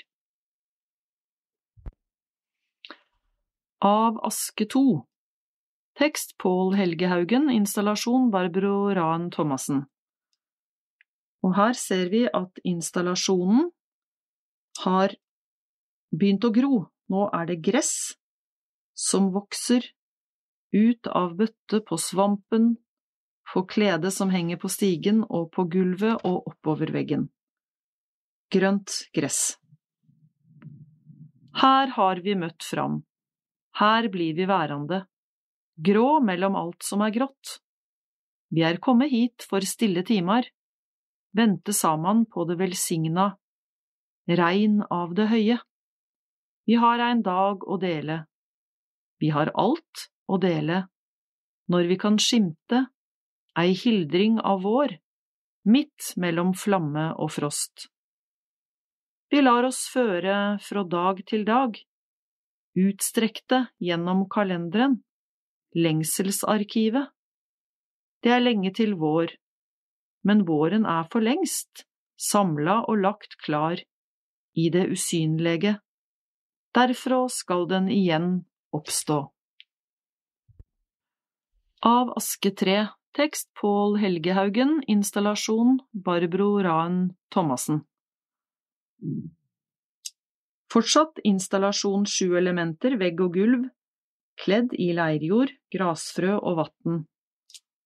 Og nå er stangen med svamp, bøtte, stige og klede nesten helt gjengrodd av gress. Det er så vidt vi kan se at det fins noe annet enn gress, og naglene og terningen er helt borte i det høye, grønne gresset. Horisonten i ferd med å løysast opp denne morgenen av ein større morgen. Den du søker, er ikke her. Den du søker, er. Her som dagen vender attende igjen, lydlaust og vidunderleg igjen, gjennombråta av vokster, som skriv seg ut i den grå verden med grøne teiken. Nyfødde skåt som stadfester at vi skal leve. Forstå at nåden er grøn, lære å bli nådens medarbeidarar, kjenne en mild vind, stryke gjennom alt som en lovnad. Andre påskedag, vi leser fra Lukas 24 vers 31. Da ble øynene deres åpnet, så de kjente ham igjen. Med en tom grav i ryggen. En tekst av Sunniva Gylver. Refleksjon over Lukas 24 vers 13 til 35. Nordmenn er glade i å gå på tur. I hvert fall identifiserer mange seg med tur i skog og mark, i parken, langs elva, langs stranda, i fjellet. Også i påsken. Vår familie har aldri vært blant dem som går langt eller fort, men det har blitt mange turer gjennom årene. Eller som min elskede mens han levde konsekvent kalte det, oppdagelsesferder. Vi skulle ikke på tur, men på oppdagelsesferd, og ungene ble alltid utstyrt med samlepose, så de kunne plukke med seg noen ikke altfor tunge og store skatter underveis og bytte seg imellom etterpå.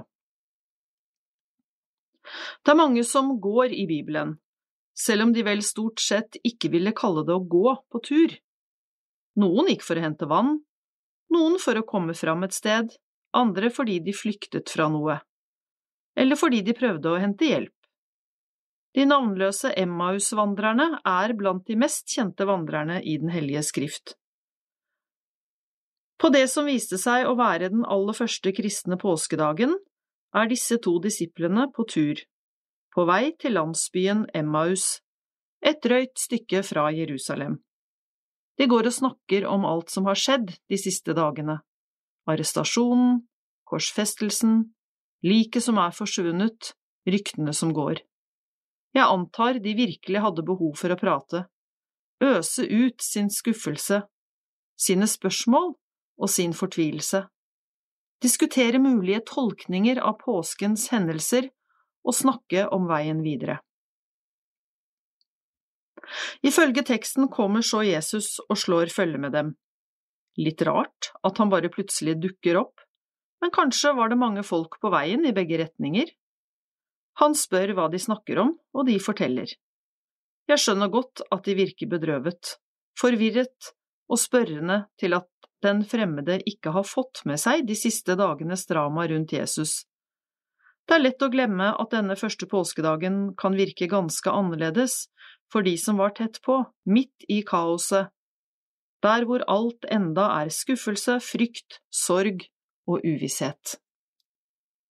Så begynner Jesus å undervise dem der de går. Jeg er litt misunnelig, der skulle jeg gjerne ha vært. Tenk å helt bokstavelig gå på tur med den jordiske Jesus mens han underviser. Jeg misunner dem, til jeg husker hvor lite disiplene stadig ser ut til å både tro og forstå, på tross av at de hang med Jesus døgnet rundt i flere år og jeg lurer på om det handler om den manglende avstanden til det som skjer. Både for lang og for kort avstand kan hindre forståelsen. Geografisk kan vi være så langt unna noe at vi mister viktige detaljer, eller så tett på at vi ikke får med oss helheten, og begge deler kan gjøre det vanskelig å forstå hva vi ser. Mentalt kan vi oppleve at noe er uvirkelig og uforståelig, enten fordi vi er altfor distansert, eller fordi vi er altfor midt oppi ting. I sistnevnte tilfelle kan det hjelpe å få tatt noen skritt tilbake, kanskje både fysisk og mentalt. Tidsmessig er det ikke noe uten grunn at vi har begrepet etterpåklokskap. Når vi har litt avstand til noe i tid og har latt hendelsen lande i oss og bli bearbeidet, da ser vi ofte ting i et helt nytt lys. Oppstandelseslyset, for eksempel. Det kan gjøre noe med oss å leve med en tom grav i ryggen, om vi lar det synke inn. Å gå tur kan gi en type ro og mellomrom som kan kaste nytt lys over troens mysterier, enten turen går til Emmaus eller langs Akerselva. Selv uten den jordiske Jesus nærværende. Hvor ofte gir du deg på vandring med en venn og snakker personlig om livssyn, om tro og teologi? Kanskje skulle vi gjøre det enda oftere enn de fleste av oss gjør? Det er ikke uten grunn at ordet medvandrer i kirken ofte brukes om et menneske som følger et annet menneske i samtaler om den andres liv. Vi snakker ofte bedre om store og krevende ting, mens vi bokstavelig talt vandrer. Vi som hadde ungdomstid før smarttelefonen fantes, vet vel at når man skulle bli sammen med noen, slå opp med noen, ta et nødvendig oppgjør med en venninne eller bare la tankene vandre, ja, da gjaldt det å vandre. Turgåing er hermed anbefalt som ramme for teologiske samtaler.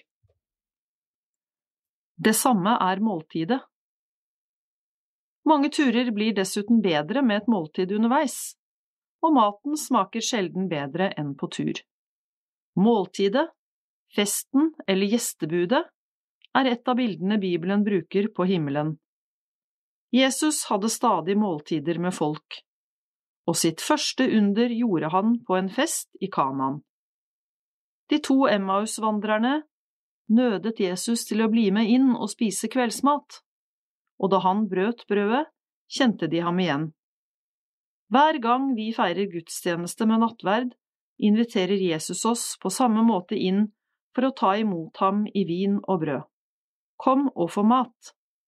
Det er et mysterium, enten vi er små barn eller har studert teologi i årevis. Men det er et bærekraftig mysterium, som kan gi kraft og håp inn i våre liv, midt i alt som er. Jeg pleier å si det, midt i alt som er, for eksempel god påske, midt i alt som er. Det handler om å tydeliggjøre at jeg ser og anerkjenner de usynlige, kampene hos den jeg snakker med, og samtidig få ønske lindring, håp, kraft, lys, midt i alt som er. Lykke til på din oppdagelsesferd i troen, med en tom grav i ryggen. Guds kjærlighet er sterkere enn døden, og Jesus lever. Husk samlepose til alle skattene du kan finne om du går på skattejakt. Finn en turvenn, og ikke glem måltidet til slutt.